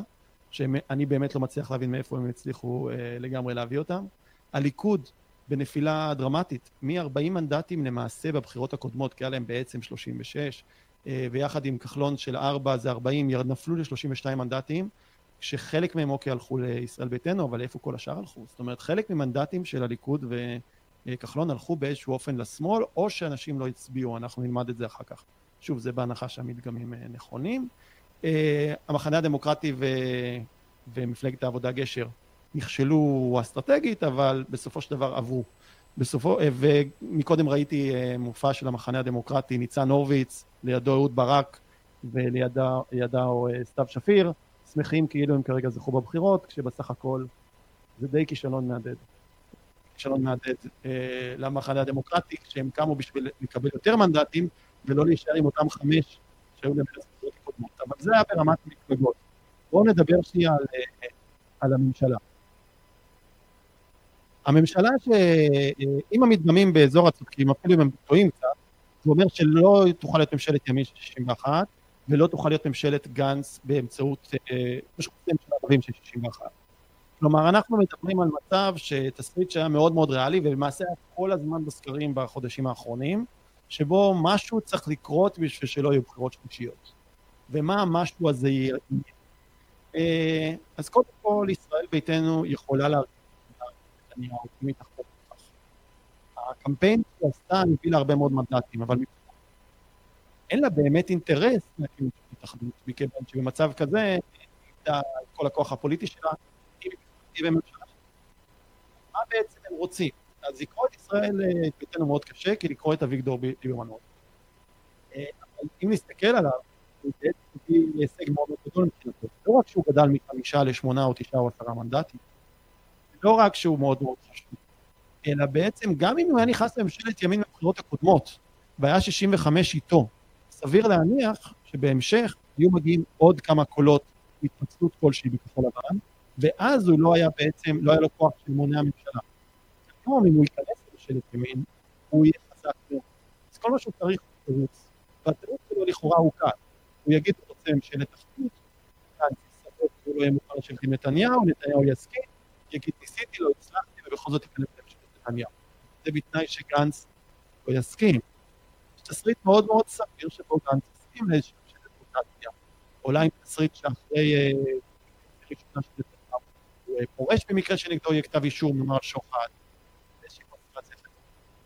אני לא אתפלא גם לראות מצב שבו נתניהו לא יראה שהוא יכול ראש ממשלה יפרוש, אה, או מיד, או לאחר כישלון של הרכבת. אז אנחנו הולכים להיות בתקופה מאוד מעניינת, מאוד מרתקת, כולם מדברים כולם, הליכוד מגיע מהעבודה, או אולי עם חלק מכחול לבן, או אולי בכל זאת זה ממשלת רוטציה עם גנץ, או משהו עם, עם ליברמן, וכל מה שגנץ צריך לעשות זה רק למנוע את כל הדברים האלה.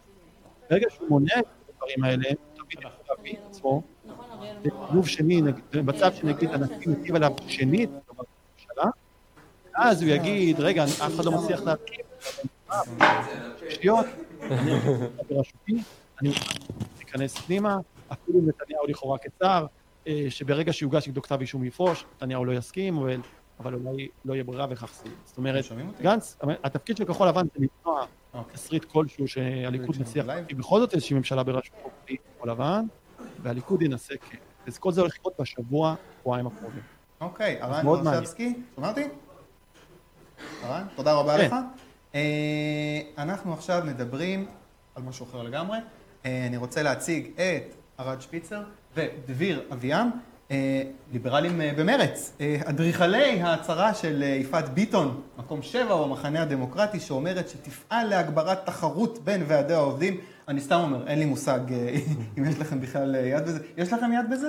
תשמע, אנחנו לא לוקחים אה, קרדיט על הצהרות כאלה ואחרות, אנחנו רק יכולים לברך על ההצהרה החיובית הזו מצד אה, חברה מאוד בכירה ברשימת המחנה הדמוקרטי. אה, אבל מה שאנחנו כן יכולים לבוא ולהגיד זה שאנחנו התחלנו ואנחנו ממשיכים לייצר אווירה שמאפשרת הצהרות כאלה. אווירה שמאפשרת בפעם הראשונה שיח נוקב בנושאים הכלכליים שבמחלוקת בתוך מרץ ובתוך המחנה הדמוקרטי. אה, ואנחנו בהחלט חושבים שכבר רואים את התוצאות בשטח, וזה ניכר בפעילות שלנו.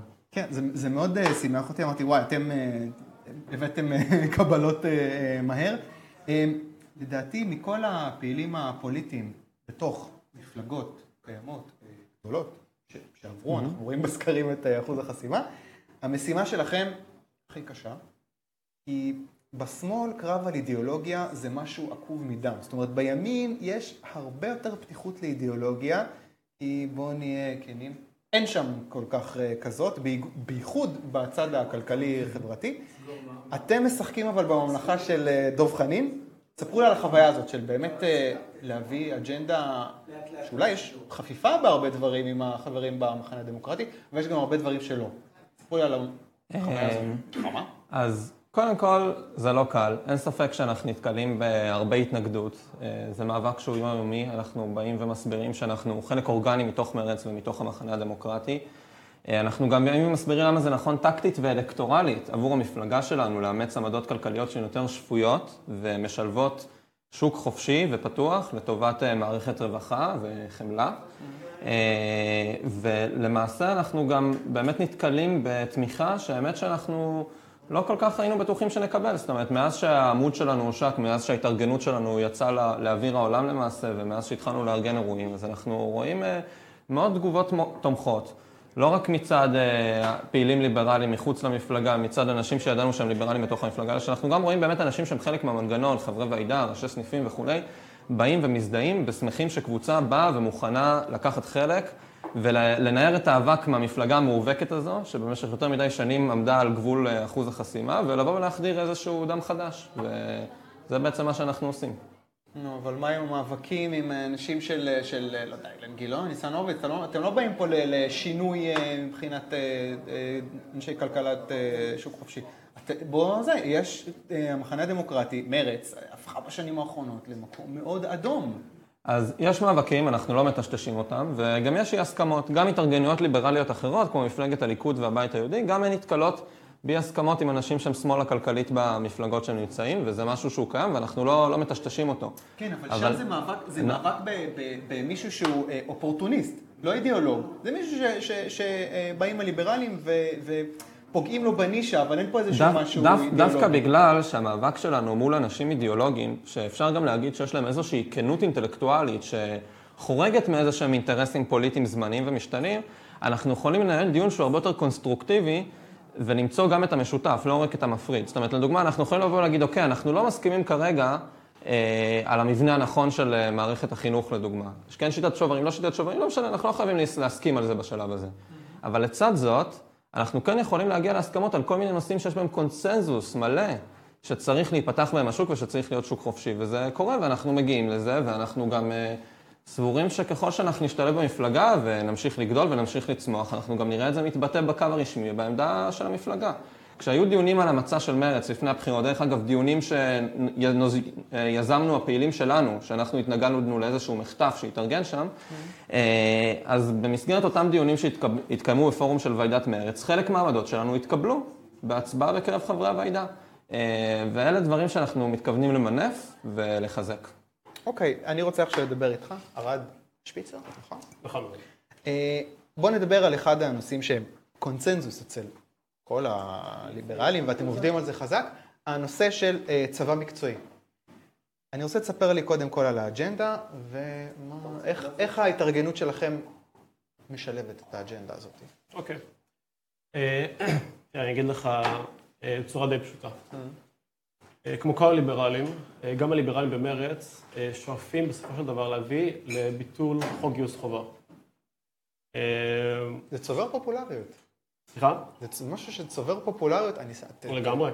כן? מחוץ, מחוץ למרץ. לגמרי, תראה, אתה יכול לראות את זה כמעט בכל מפלגה עכשיו, שיש תמיכה בצבא מקצועי. אבל אצלנו, שלא כמו בליכוד, לדוגמה, הרצון הזה להביא לצבא מקצועי נובע לא רק מאינטרסים של לחזק את ביטחונה של ישראל, אלא גם בשביל להפסיק את הדיכוי של המעמד התחתון. אה, תראה, אם אתה הולך לכל בית כלא, אה, כלא 4, כלא 6, אתה תראה שאחוז ניכר של הכלואים בבתי כלא הם ממעמד תחתון. הם עורקים בעצם בשביל לפרנס את המשפחה שלהם. אסירים צבאיים, אתה מתכוון אסירים בכלא צבאי? כמובן, בתי כלא אוקיי, צבאיים, כן. אוקיי. אה, אז בעצם אנחנו באים למרץ עם האג'נדה של להגיד צבא מקצועי, סליחה, גיוס חובה, צבא עם, זה לא דבר חברתי, זה דבר שבסופו של דבר פוגע בעניים שאתם מנסים לעזור להם. אמ, עכשיו, אה, כרגע זה נתקל בהתנגדות, בהתנגדות אה, במרץ, אבל עדיין... לא, איזה התנגדות? כאילו, מה, בא אליך בן אדם ואומר לו, באיזה טיעונים הוא משתמש? אני יכול להבין, כאילו, אתה יודע, אם היו מעלים את זה בליכוד או משהו, אז היו אומרים, לא, זה צבא העם, זה כור היתוך, משהו... מה יגידו במרץ? מה, מה הטיעונים שאתם שומעים? תראה, הטיעון הפופוליסטי שאוהבים להשתמש בו, זה שאם לא יגיוס חובה, אז צה"ל יהיה צבא עניים. אוקיי. עכשיו, זו טענה אה, לא נכונה מכמה בחינות. גם ראינו במדינות שעברו למודל של צבא מקצועי, שבפועל אה, הרבה מהמתגייסים הם ממעמד גבוה. ולא רק זה... אגב, אתה, אתה, אתה, אתה קצת שם את עצמך בפוזיציה, ברגע שאתה מביא טיעון כזה שהוא אה, חברתי, טיעון קצת אדום של כאילו, תראו מה החוק גיוס חובה עושה, אה, מכניס את האנשים, אה, את העניים אה, לכלא, זה כאילו, זה טיעון מהצד של הצדק חברתי, אז כאילו אתה מזמין על עצמך בעצם את המתקפה הזאת של לא, גם צבא מקצועי ייצור את הבעיות האלה, בואו נפתור את זה, אולי ניתן פטור לאנשים מעוטי יכולת, שצריכים לפרנס את הבית. ואת השאר נגייס חובה. אה, תראה, מודל כזה, לא רק שהוא לא פרקטי, אה, הוא גם לא ליברלי. תראה, אני מדבר על זה שצבא העם פוגע בעניים, כי בסופו של דבר אנחנו צריכים להתאים את המסרים שלנו לקהל שלנו. בשביל לשכנע את הסוציאליסטים במרץ, צריך לפנות אליהם בטיעונים שיפנו אל ההיגיון שלהם, בכל זאת. אבל בו זמנית אנחנו אכן הליברלים במרץ, אז אנחנו אומרים, צריך להפסיק את גיוס החובה, לא רק בגלל שזה פוגע במעמד במעמד התחתון, אלא גם בגלל שזה לא ליברלי לקחת בכפייה אנשים לשירות חובה של שנתיים ושמונה. וזהו, אתה התחלת קודם באמת את ההסבר הזה של אנחנו לא עוצרים צבא עניים. תספר לי, באמת, אם יהיה עכשיו צבא מקצועי, לא יהיה מצב שכל מי שיתגייס יהיו אנשים שאין להם אופציה אחרת, למצוא עבודה אחרת? אה, אני בספק שזה מה שיקרה, כי כמו שאמרתי, במדינות בחו"ל, במדינות אחרות, שעברו למודל כזה, אה, לא רק שהנבואת זעם הזו לא התגשמה, אה, אלא שגם היא הוכיחה את עצמה להפך בכמה מקרים. ונעזוב את הטענה, את ההסבר מוסרי מאחורי הטענה הזו, נתייחס למובן הפרקטי של הטענה הזו. בסופו של דבר, עדיף לך שיהיו חיילים ממעמד תחתון בשכר של 6,000 או 8,000 בחודש, מאשר שכר של 800 או 1,600 בחודש. לגמרי. בכל זאת. כן, כן. זה הסיבה, הרבה מהעריקים ברחו בשביל לעבוד, אז הנה, נכון. אנחנו נותנים להם משכורת. כן, אה, לגמרי. אוקיי, אה, סבבה. אני רוצה, דביר, בואו נלכלך, נלכלך קצת את- את הידיים, נדבר על אה, בשביל זה אנחנו פה. כן, לגמרי. למה הזמנו אנשים ממרץ? נדבר על נושאים שהם לא קונסנזוס ליברלי, נושאים מדיניים, ביטחוניים. זה מאוד קל להישאר בקומפורט כן. זון הזה של שרן השכל ומכסים וזה.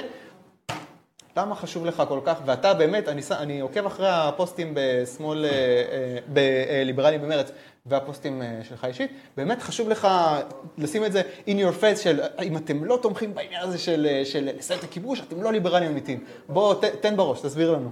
תראה, הליברליזם שלנו זה לא להוריד את המכס על עגבניות, בסדר? אוקיי. אני מסכים, להוריד את המכס על עגבניות זה נושא חשוב, זה דבר חיובי, זה יוריד את יוקר המחיה בישראל, זה יעזור לעניים לרכוש אוכל, אבל בעינינו זה לא הנושא הליברלי. זה לא הנושא הליברלי שעומד בבסיס הבחירות. הנושא הליברלי הכי משמעותי היום בישראל, ההפרת זכויות פרט הכי חמורה שמתקיימת היום בישראל, היא העובדה שלצידנו יש עם שלם של מיליוני אזרחים שאין להם זכות הצבעה. ולא רק שאין להם זכויות הצבעה, אלא גם זכויות בסיסיות אחרות רבות שאנחנו נהנים מהן ולוקחים אותן כמובן מאליו. לדוגמה, תחת החוק הצבאי, כל התכנסות של למעלה משלושה פלסטינים שהיא בנושא מדיני, זאת אומרת זה כולל גם חמישה פלסטינים שמתכנסים למעגל דיון, מוגדרת כהפרת סדר, שאפשר להעניש עליה בעונש מאסר. זה המצב המשפטי. רוב הישראלים לא מודעים לזה, או לא רוצים להיות מודעים לזה. אבל חלק מהיותנו הליברלים במרץ, חלק מהייחוד שלנו, אגב, ולדעתי גם הסיבה שאנחנו באמת מגיעים ל... מקבלים תמיכה רחבה מאנשים שבעבר לא היה להם בית בתנועות ליברליות אחרות, אה, זו העובדה שאנחנו שמים את הנושא הזה על השולחן, ו... ובעצם אה, מביעים את העמדה הזו. ובעיניי זה מאוד משמעותי. אתה יודע, יש לי באמת את הדילמה הזאת של, אה, של אה, כן, אנחנו שולטים פה על כמה מיליוני כן. אנשים שאין להם את הזכויות שלהם. אבל אני גם שואל את עצמי, אז רגע, מה האלטרנטיבה? מה, אם נעשה עכשיו, כל תסריט שאני חושב על זה הוא תסריט רע, אני לא יודע אם מבחינה, כאילו לעשות את האקט המוסרי זה באיזשהו מובן התאבדות. כי כאילו, מה, מה אני אומר? אני עכשיו, ת- תן לי שנייה לת- לתת את, ה, את כן. הטיעון, ו- וכדי. שתוכל לזה. בואו נעשה עכשיו מדינת אה, כלל אזרחיה. בואו ניתן זכות בחירה לכולם, לכל הפלסטינים בגדה. ברור שטוב לא יצא מזה, כי, כי אתה יודע, יש פה, אה, התהום התרבותית, אה, זה בלשון המעטה מה שיש אה, בינינו לבינם. אה, אה, במקרה הטוב, אה, זה לא, לא תהיה לנו מפלגה אה, כמו אה, חמאס, שהיא תהיה הכי גדולה בכנסת, זה יהיה, לא יודע, מקום אה, שני, אה, אה, שלישי. מצד שני, תעשה עכשיו אה, התנתקות שתיים בגדה. אתה יודע, אני גר בכפר סבא, אני תראה, פשוט אכתוב אני, קטיושות אני על לא הראש. מדינאי, אני מה לא, התסריט אני לא האופטימי? מדינאי, אני גם לא גנרל ואני גם לא מומחה לענייני ביטחון, ואני לא מתכוון לבוא ולטעון שיש לי מונופול על הידע הביטחוני ועל המודל הביטחוני הנכון שכל פתרון מדיני צריך אה, לקרות במסגרתו. אבל יש לי עמדה מאוד מאוד ברורה. העובדה שמיליוני פלסטינים נמצאים בפועל במצב של משוללי זכויות, זה לא מצב ליברלי, ואנחנו צריכים להשקיע את מירב האנרגיות שלנו, בתור פעילים ליברליים, ולנסות לפתור את המצב הזה. עכשיו, גם אם אנחנו לא יכולים להגיע לפתרון קבע כללי ומרכזי, משהו שיקרה באמת ברמה של חודשים, אנחנו בהחלט יכולים לעשות המון המון צעדים ליברליים, ואז אולי להתב- להתווכח על הפתרון הסופי, כמו לדוגמה להסיר את המצור על עזה, כמו להסיר מגבלות על החיים של פלסטינים בגדה, כמו להגן על זכויות קניין פרטיות של פלסטינים שנבנים עליהם מאו מאחזים, ובעיניי זה אבסורד שאנשים שהם מגדירים את עצמם כימין ליברליים לא מתקוממים כנגד חוקי הסדרה שבאים ומפקיעים רכוש פרטי לטובת אנשים פרטיים אחרים. הרי מה זה תפקידה של המדינה אם לא להגן על הזכות לקניין? ובעיניי זה מצב שהוא קצת קשה, ואנחנו באנו לשים את זה על השולחן. אה, אוקיי, יניב. כן, כן, משהו קטן, כי אני אנחנו צריכים לסיים לצערי. כמובן, אני אגיד לך בקצרה את הפתרון האידיאלי בעיניי. אה, תסתכל על ערבי ישראלי שגר בישראל ועל ערבי ישראלי ביהודה ושומרון. מה ההבדל ביניהם, חוץ מהמעמד המשפטי שלהם, המעמד הכלכלי שלהם? אה, ערבי ישראלי יכול לבחור לכנסת, יש לו זכויות בדיוק כמו שלי. נכון. אבל גם המעמד הכלכלי שלהם שונה. רוב הישראלים, רוב הערבים הישראלים רחוקים מהמעמד הנמוך שבהם מצויים רוב הפלסטינים. עכשיו אני מאמין שעל ידי עיצוב כלכלי אה, בגדה, זה יביא לעיצוב פוליטי בגדה. כי כשלמישהו יש משהו להפסיד, הוא לא יפנה לטרור באותה מהירות כשאין לו מה לאכול למחרת. יכול לראות את ההבדל בטרור בין הגדה לעזה. זה כבר, גם כשהפלסטינים בגדה במעמד מאוד קשוח, הטרור שהם עושים לעומת הטרור בעזה, הוא כלום בגלל הפערים הכלכליים ביניהם. אתה, אני לגמרי מסכים, ובאמת, אני, חבל לי שאני לא יכול להמשיך את הדיון הזה, אבל אין לנו זמן, בדיוק כשהתחלנו לחלק את הידיים. אה, אנחנו צריכים אה, אה, להמשיך.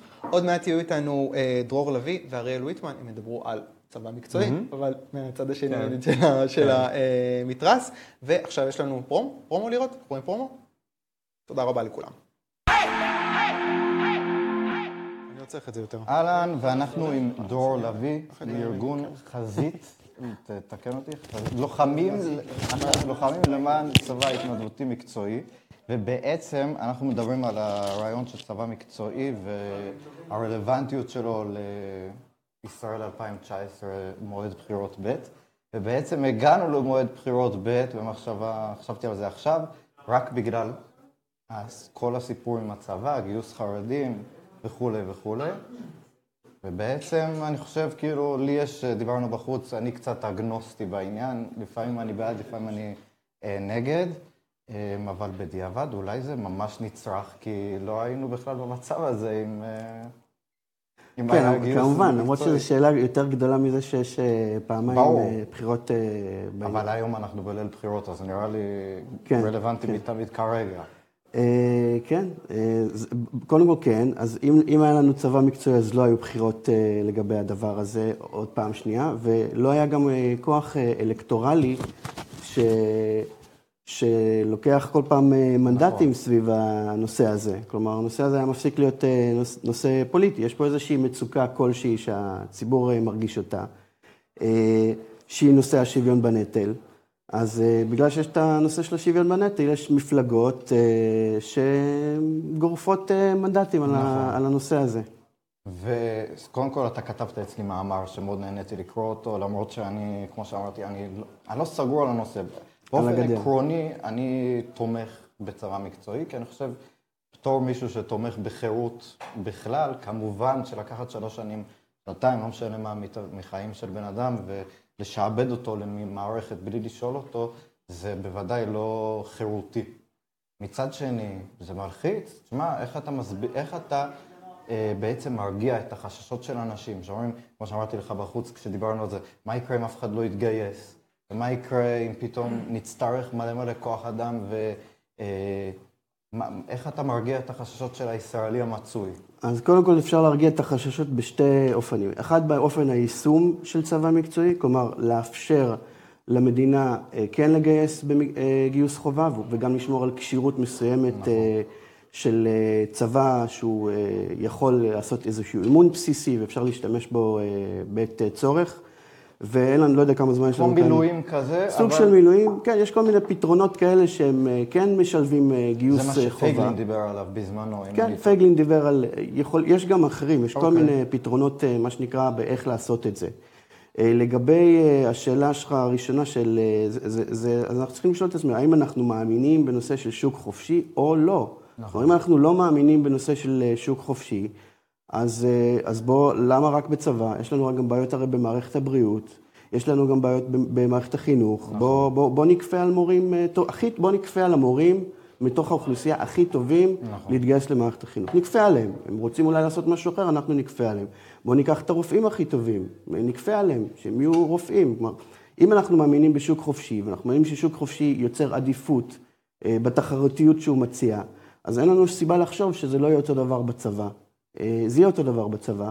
ומה שהיה עד עכשיו בארצות הברית ובאנגליה ובגרמניה, אה, בוא נגיד, ארצות הברית כבר השתפשפה, הצבא נכון. שלהם השתפשף, אז כבר יודעים שזה יותר טוב. אנחנו נכון. מדברים על, על מלחמת וייטנאם, אמנם אי אפשר להשוות את זה, אבל uh, העניין הוא שאפשר פשוט להטמיע.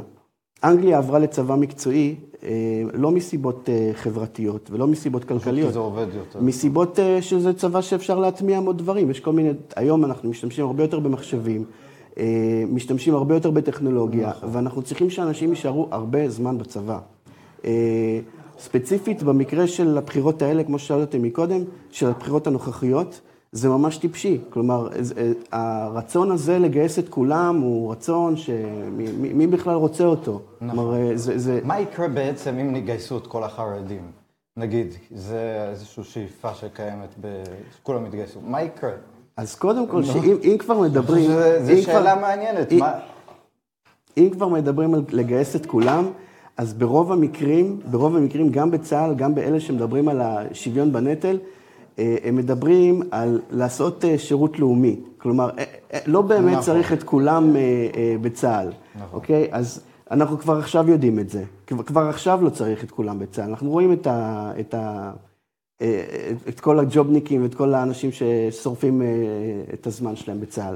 אז בוודאי שלא צריך את כולם. אז רוצים לעשות שירות לאומי. עכשיו, שירות לאומי, ברור שזה דבר שכל ליברל, איך שהוא שומע את זה, צריך ישר להסתמר לו השערות. נכון. כי, כי שירות לאומי זה בסופו של דבר עבדות. מה זה? מה זה? זה לקחת אותך, לשים אותך באיזה משהו אבל זה שהוא... התנדבותי.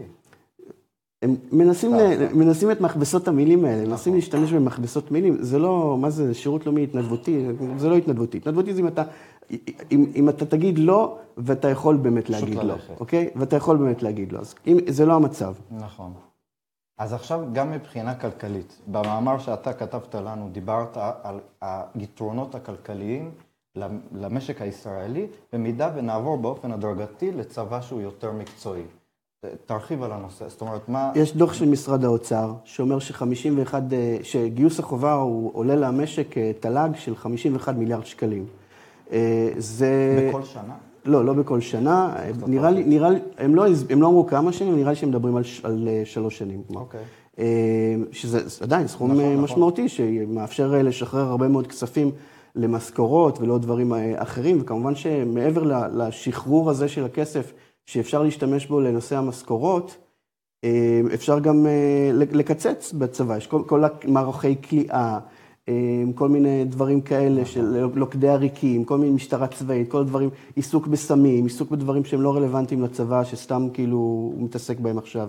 כי מי שיהיה בצבא זה מי שבאמת רוצה להיות בצבא, מי ש- שבחר להיות בצבא, נכון. אה, שרוצה להיות בצבא הרבה חיל זמן. חינוך, למשל. כן. מורות חיילות. מורות חיילות, כל הדברים האלה שהיום אנחנו רואים את החיילים אה, עושים, שהם לא בדיוק עוזרים. גל"צ. גם אה, גל"צ, נכון, גם כן, זה אחד, אחד מאותם דברים שלא תורמים לביטחון המדינה. אם כבר גם, דרך אגב, עכשיו נזכרתי, אם כבר מדברים על אה, שוויון בנטל, אז גם שירות לאומי זה לא יהיה שוויון, שוויון בנטל. מה זה, יש מישהו אחד שמסכן את החיים שלו, שוכב בבוץ, יכול להיות שהוא יחטוף אה, כדור, יכול להיות שהוא עושה כל מיני דברים שהם אה, גם קשים פיזית, גם קשים לנפש, גם כל הדברים שקשורים בלהילחם.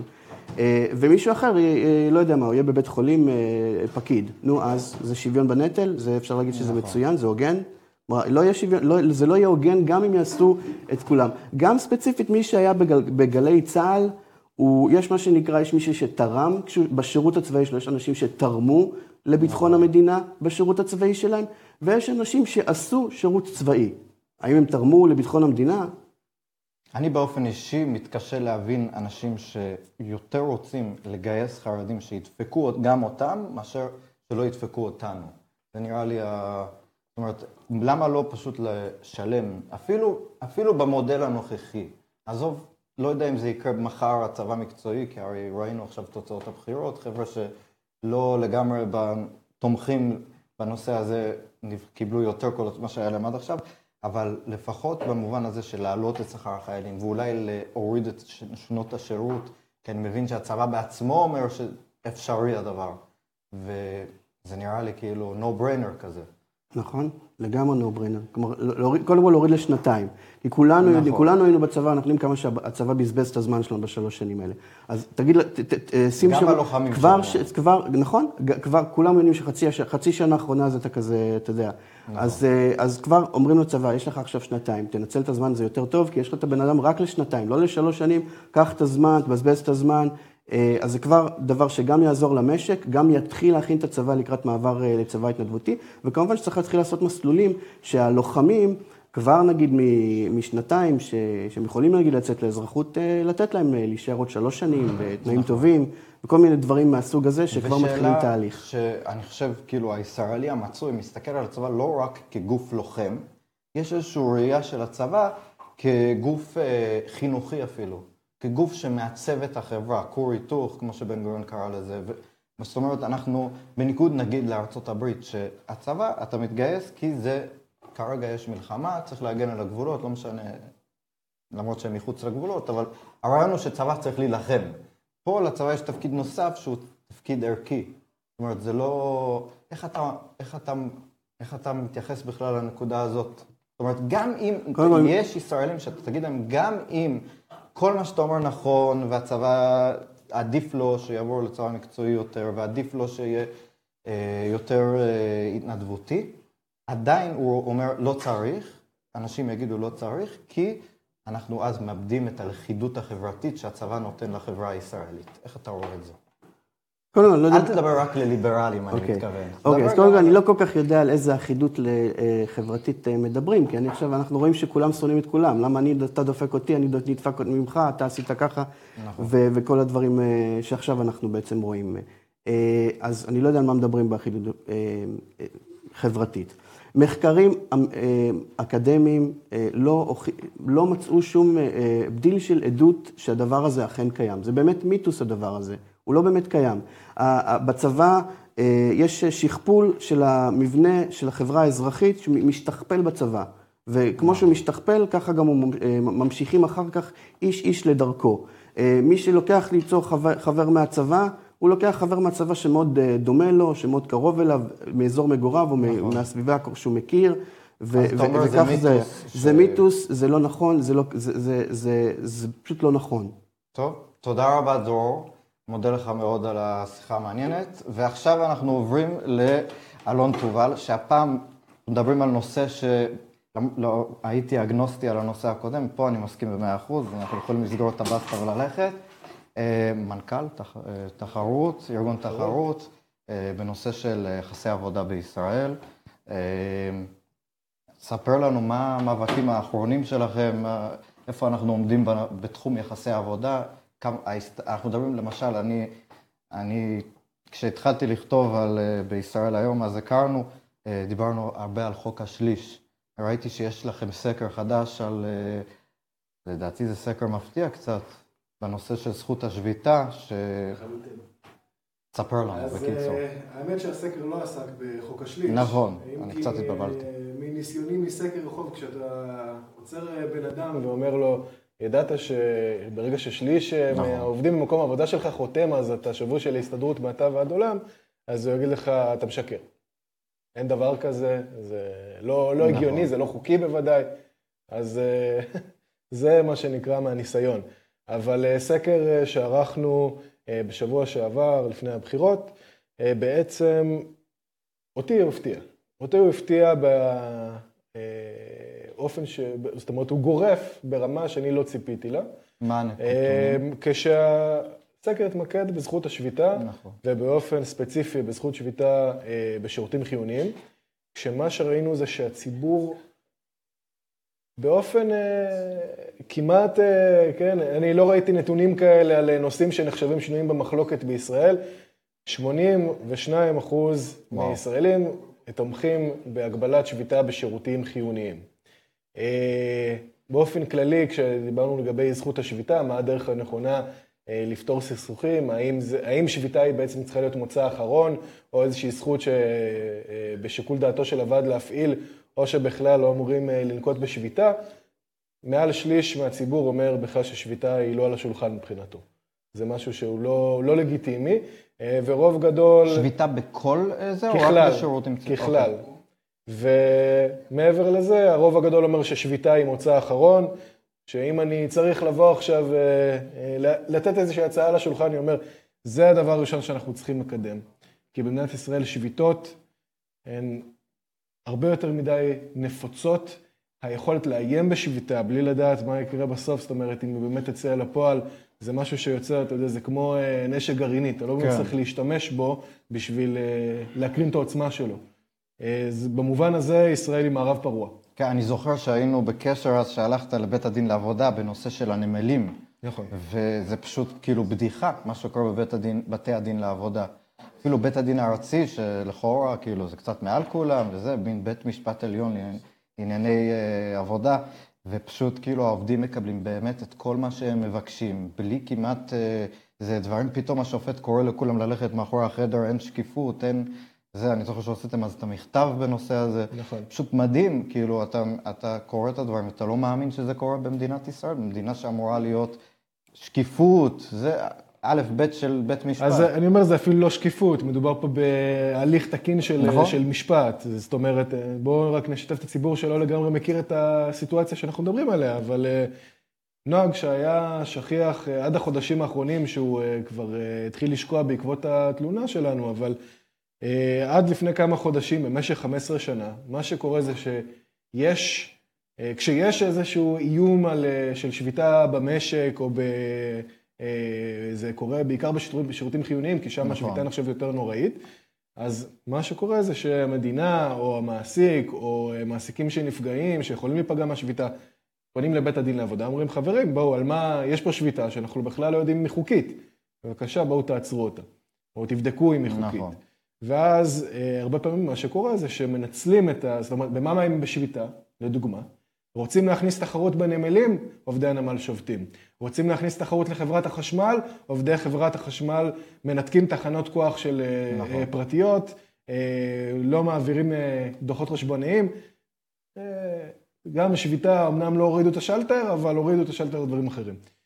ואז בית הדין לעבודה, מה שהוא עשה במשך 15 שנה, להגיד, אוקיי, חברים, זה לא מעניין אותנו אם אפשר לשבות נגד רפורמה או אי אפשר, כמו שבג"ץ קבע שאי אפשר. נכון. או שזה דווקא שביתה שהיא שביתה כלכלית, והיא נלחמה בצורה כזו או אחרת. אלא הוא אומר, בואו, כנסו אליי ללשכה, אני השופט מזמין את הצדדים, ובואו נדבר בלשכה ונפתור את זה, זה קורה בלי פרוטוקול, זה קורה בלי, זאת אומרת, ההסכמה של הצדדים היא לא כל כך מפורשת, זה נחשב איזשהו... ודברים מהותיים משתנים שם בחדר של השופט בעצם. ומה שקורה בדרך כלל זה שיוצאים מהחדר, ואחרי יכול להיות גם איזה שעה, שעתיים, כן. ויוצאים עם הצהרה מתוזמרת שמנכ"ל הנמל אומר משהו, משהו מסוים, מסכים איתו יושב ראש ההסתדרות, ומסכים שהולכים עכשיו להמשיך איזשהו משא ומתן במשך חודש-חודשיים, כשבעצם הסיבה לשביתה יכול להיות, הייתה מלכתחילה רפורמה, שהיא בכלל לא עניין לשביתה, נכון. זה לא חוקי, לא צריך לנהל על זה משא ומתן, המדינה צריכה להיות, צריכה להיות מעורבת, אבל בית הדין לעבודה עשה את זה. עכשיו, לשמחתי, זה שפקחנו עין, שהיינו על המגרש, שהצלחנו להאיר את ה... בעצם המהלך הלא חוקי הזה של בית הדין לעבודה, בחודשים האחרונים התופעה הזאת הולכת ומצטמצמת. עדיין הדוקטרינה הזאת קיימת, חוסר הוודאות בנוגע מה מותר ומה אסור הוא אדיר, והציבור מבין את זה. אני חושב שגם הציבור בסופו של דבר, כשהוא רואה את הוועד של הרכבת, כשהוא רואה את נכון. ההתנהגות בנמלים, הסלידה האמיתית היא לא אה, מהפגיעה בכיס. זאת הפגיעה השקטה והיא הפגיעה הקשה, אבל אני חושב שזה לא מה שגורם לציבור באמת לפתח את הסנטימנט הכל כך שלישי, שלילי נכון. כלפי אותם ועדים, אלא זאת פשוט הבריונות. זה שההתנהלות היא לא עניינית. אם היה כל אה, שלוש שנים נחתם הסכם, ואז העובדים היו מגיעים ונהלים משא ומתן, בואו אה, נשפר את השכר באחוז וחצי שניים, אז אף אחד לא היה אה, מרים קול צעקה. הכשל הגדול הוא בזה שוועדים מרשים לעצמם לשבות על כל צעד ושעל, כל פעולה ניהולית. כן, עוד 40 גרם למכשירים הניידים ברכבת זה נחשב עילה לעצירה של קו. נכון. אלה דברים שהם דברים מופרכים. במדינות אה, נורמליות הדברים האלה לא קורים, אנחנו דומים במובן הזה למדינות שאנחנו לא רוצים להידמות אליהן. אז אה, אלה הדברים ש... אז אני זוכר שהיה אמור להיות בג"ץ, שהמדינה הייתה אמורה, אני חושב אפילו נתניהו כראש ממשלה היה לכאורה בעד להגיש את הבג"ץ הזה, ואמר אפילו, אני זוכר, תלכו עד הסוף, היו כל מיני אה, זה, ופתאום זה כזה ירד מהפרק, ואני זוכר סביב הרפורמה בחברת חשמל. נכון. מה בעצם, תן לנו את הרקע, אני כבר לא זוכר. בואו נספר רגע את מה הסיפור. הסיפור של זה? הסיפור, אוקיי. הסיפור הוא כזה, אה, רפורמה בחברת החשמל, אה, במשק החשמל, מנסים להכניס תחרות, חוק משק החשמל שבעצם קבע איך ייראה משק החשמל, כן? שתהיה את ההפרדה בין כל מרכיבי הייצור ותהיה תחרות, נחקק בשנת 1996. כן. הוא היה אמור להיכנס אה, לפועל בצורה אינטנסיבית ב-2006. ב-2006 עובדי חברת חשמל אמרו לא ולא, דבר כזה לא יקרה. ומאותו רגע התחילו בשביתות נקודתיות ובליווי של בית הדין לעבודה. אה, בסופו של דבר הגענו כבר ב-2017 לנקודה שבה בית הדין לעבודה אומר לך שהוא משך עשר שנים את היישום של הרפורמה. נכון. שבעצם אפשר ליישם אותה גם על פי חוק, לא הייתה שום בעיה להתחיל לעשות את זה. אומר למדינה, אתם לא יכולים להוביל רפורמה בלי שנועצתם בוועד העובדים. העובדים. מה זה אומר נועצתם? אין פרשנות חד משמעית, אבל זה יותר מלשתף במידע, כי זה דבר שעשו. זה פשוט לקבל את ההסכמה, שורה תחתונה. המדינה הגישה בג"ץ על הדבר הזה שהוא שערורייתי, הוא סותר פסיקה של בג"ץ, והיה דיון ראשון. כן. באותו דיון ראשון, אומרת אסתר חיות, אז היא הייתה, לא הייתה עדיין הנשיאה, אבל הייתה ראש ההרכב, אוקיי. ואמרה לעורכת הדין של ההסתדרות, אורנה לין, אם אלה, אם ככה את מציירת את דיני העבודה, שאפשר לעצור פה כל מהלך של המדינה, אז אולי צריך לבחון מחדש את דיני העבודה. ומאותו רגע ההסתדרות נכנסה להיסטריה, אבי ניסנקורן מרים, מרים טלפון לכחלון, כחלון מרים טלפון למנכ"ל משרד האוצר, שי באב"ד, ומשם הולכים לעסקה בחדרים האחוריים במקום לקבל הכרעה בבג"ץ. מה שאנחנו למדים מהסיפור הזה, זה שני דברים. אחד, זה באמת הזדמנות, בסוף בגלל כחלון היא עבדה. נכון. דבר שני, כשהמדינה רוצה, היא יכולה להגיע לשם, אבל בשביל זה היא באמת צריכה את ההסכמה של הפוליטיקאים. אז הלוואי ש...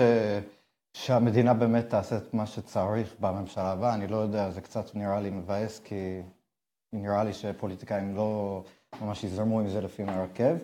ואנחנו נקרא לבועז ארד, נקרא לבועז ארד לסכם את הערב שהיה פה.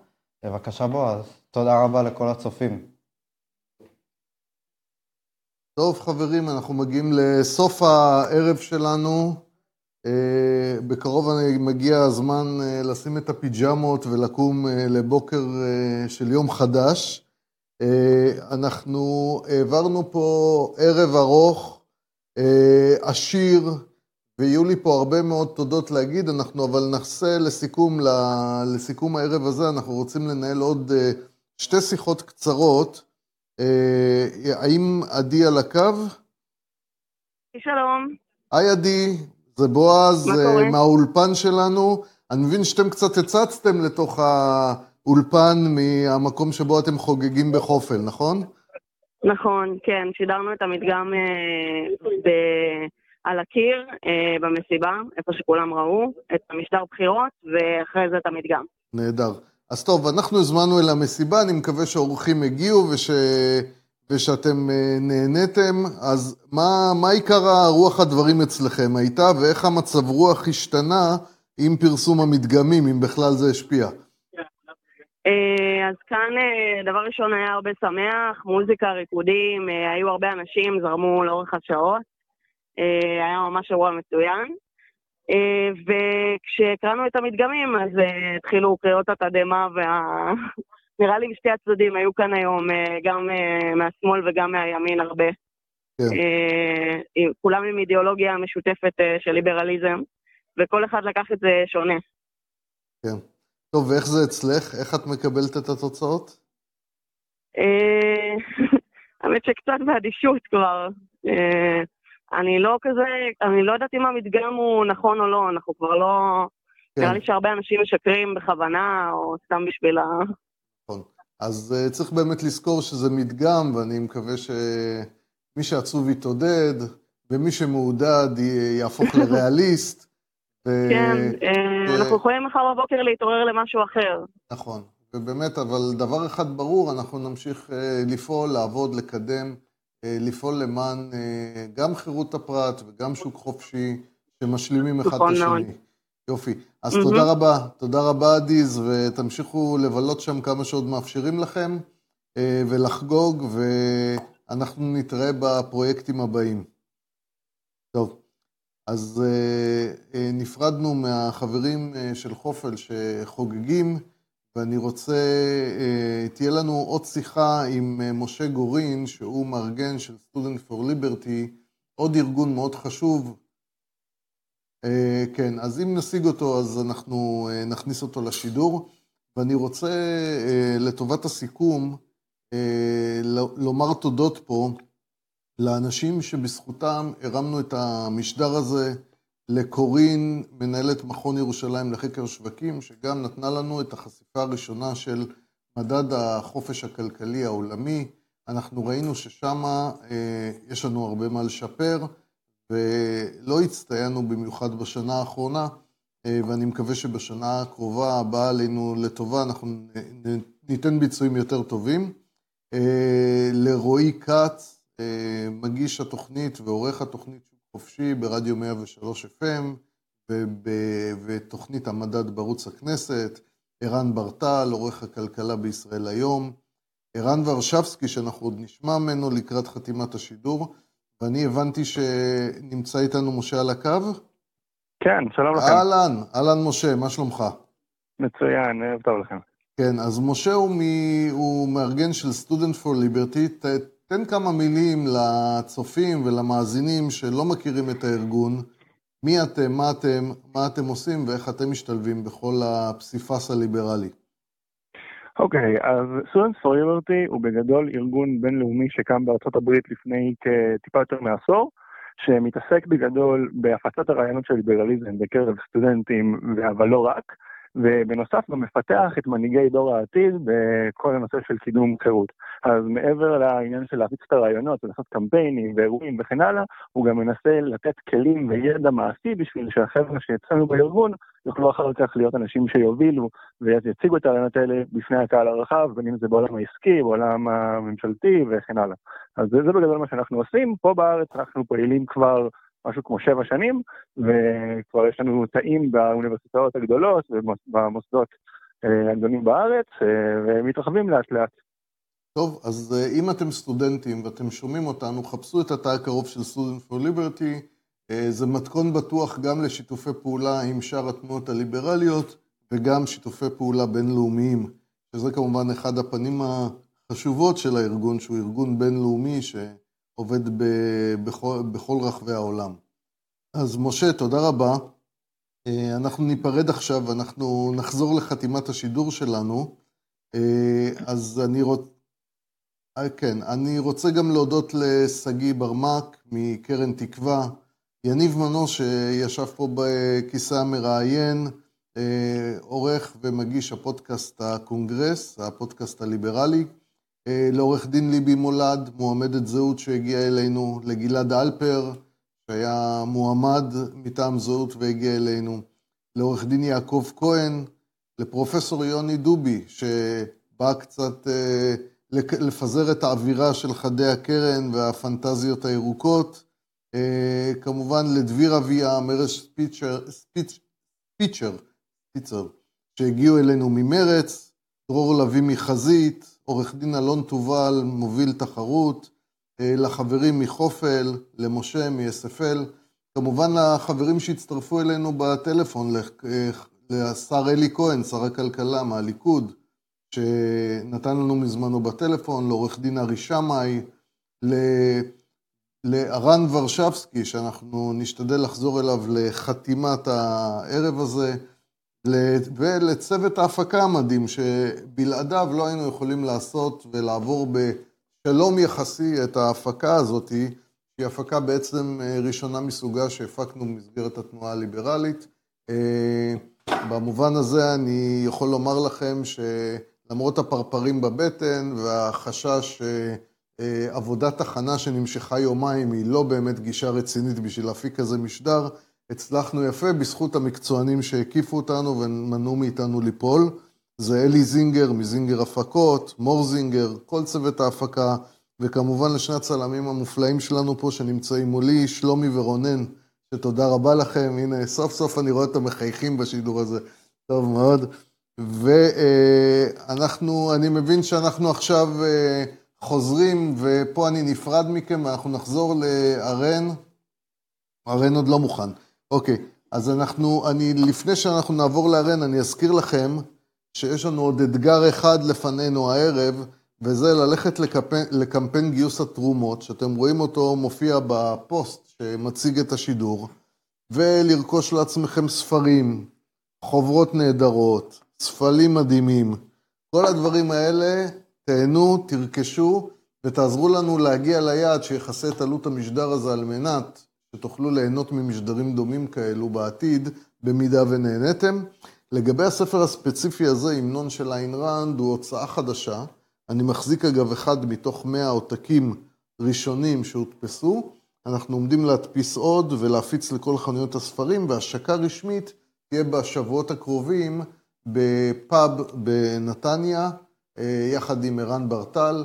אנחנו נזמין את כולכם, תעבדו, תעברו על הפוסטים שלנו באיבנטים של התנועה הליברלית, ותצטרפו אלינו גם לאירוע בפאב, להשקת הספר, יהיה שם שמח ומעניין. ואני מבין שארן מוכן אי שם בחמ... בחמ"ל שלו ברחובות. ארן, מה שלומך? אתה איתנו?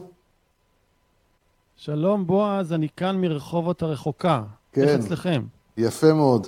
אז uh, זהו, נשאר, לך נשאר אקורד הסיום של הערב הזה, ופחות או יותר על כתפיך הרחבות מוטלת המשימה האם לשלוח אותנו הביתה לישון שנת ישרים, או מוטרדים, או שמחים, או כל מה שתוכל להאיר את עינינו איתו. אוקיי, okay, אגיד, אומר, אומר, אתייחס לשני דברים. אחד זה לנושא הפוליטי ככלל, וגם קצת על הנושא הליברלי בהקשר הפוליטי. אז קודם כל, קצת חשבתי על זה, לדעתי הערב התחיל מרוץ שפנים. מרוץ שפנים זה קורה לפעמים בסרטים אמריקאים, שמכונית נוסעת אחת מול השנייה, והראשון שקופץ מהאוטו הוא הפחדן, מה שנקרא משחק הפחדנים או משחק השפנים. למה אני מתכוון? לנתניהו, בהנחה שעליו תוטל הרכבת הממשלה, כי בכל זאת יש לו כמה אפשרויות, ישנם שלוש אפשרויות סבירות להרכיב ממשלה. האחת זה עם מפלגת העבודה, בהנחה שהוא יגיע מעל 61 איתם. השנייה זה עם ישראל ביתנו, עם ליברמן בכל זאת, שתהיה לו איזושהי תירוץ להיכנס לממשלה כזאת. והשלישית היא ממשלת רוטציה כנראה עם גנץ. ובכן, בממשלת רוטציה עם גנץ, אה, ישראל ביתנו או שלא תהיה או שהיא תהיה חסרת כוח, והעבודה או שלא תהיה או שתהיה חסרת כוח. בממשלה עם ליברמן, גנץ ועבודה בחוץ. בממשלה עם העבודה, גנץ וליברמן בחוץ. זאת אומרת, כולם יכולים עכשיו לשבת ולנסוע במכוניות שלהם, להתנגש אחת מול השנייה ולחכות שאם הם ייסעו בסדר ולא יתנגשו, אז נתניהו לא יצליח להרכיב והמנדט יעבור לגנץ. אבל כל אחת תפחד שהשנייה תעבור לפניהם לנתניהו, ולכן בעצם יש פה איזשהו מרוץ מי הראשון שילך לנתניהו בלי שהוא נראה כמו הראשון שהולך לנתניהו. ולכן המהלך הנכון לדעתי של גנץ כיום הוא כמה שיותר מהר לדבר על רוטציה כן גם עם נתניהו. כי ככל שהוא יעשה את זה יותר מהר, הוא ישמוט את הקרקע מתחת לליברמן. והאינטרס של ליברמן זה שזה לא יקרה, שגנץ יסרב והוא ייכנס לממשלה, והאינטרס של פרץ הוא להקדים את כולם ואולי לא להיכנס לממשלה. לכן הכוח אצל נתניהו יותר מכפי שהוא נדמה, ובעצם יש פה מרוץ סמוי בין שלוש מפלגות, שאם אגב הם יחכו וייתנו לגנץ בסוף להרכיב ממשלה, הם לא יהיו במקום יותר טוב מאשר לפני. זאת דעתי הפוליטית, ככה, המחשבות ראשונות אולי קצת מפתיעות על הערב הזה. לגבי התמונה הליברלית, חשוב להדגיש שהחברי כנסת, למשל בליכוד, הליברליים החשובים, בכל מקרה יהיו בפנים, שרן השכל מקום 30. אה, חלק מהחברי כנסת הפחות ליברליים אה, בחוץ בחלק מהמפלגות. אה, ובסך הכל מבחינה ליברלית, מבחינת חברי כנסת המצב בסדר, אבל מבחינת ממשלה, אם לא תקום ממשלה עם ליברמן, בין אם זאת תהיה ממשלת אחדות עם גנץ, או גרוע מזה ממשלה עם העבודה, המצב מבחינה ליברלית יהיה מן הסתם פחות טוב. אז בהסתכלות מהצד הליברלי, אנחנו כנראה צריכים לקוות שליברמן בכל זאת יוכל להיכנס לאיזושהי ממשלה. בממשלה כזאת של ליכוד, אה, ימינה, ישראל ביתנו וחרדים, תוכל לעשות המון צעדים ליברליים, אני חושב, בלי בעיה. אז נחכה לראות ונקווה שיהיה טוב, ובכל מקרה נמליץ לכולם ללכת לישון שנת ישרים, בסך הכל בחירות, זאת לא מלחמה, לא קרה שום דבר רע, מה שלא יהיה, יהיה בסדר. טוב, אז תודה רבה לך, רן, אנחנו נחזיר את השידור. אה, ואני נפרד מכם אה, בברכת לילה טוב, שינה טובה, ו... תרמו לקמפיין שלנו, תעזרו להשלים את הסכום על מנת שנוכל לסגור גם את כל הערב הזה בתקציב מאוזן, אה, בניגוד למצב שאיתו נתמודד החל ממחר עם הניסיונות לבנות ממשלה שמצפה לתקציב שונה לגמרי. תודה רבה ולילה טוב לכולם.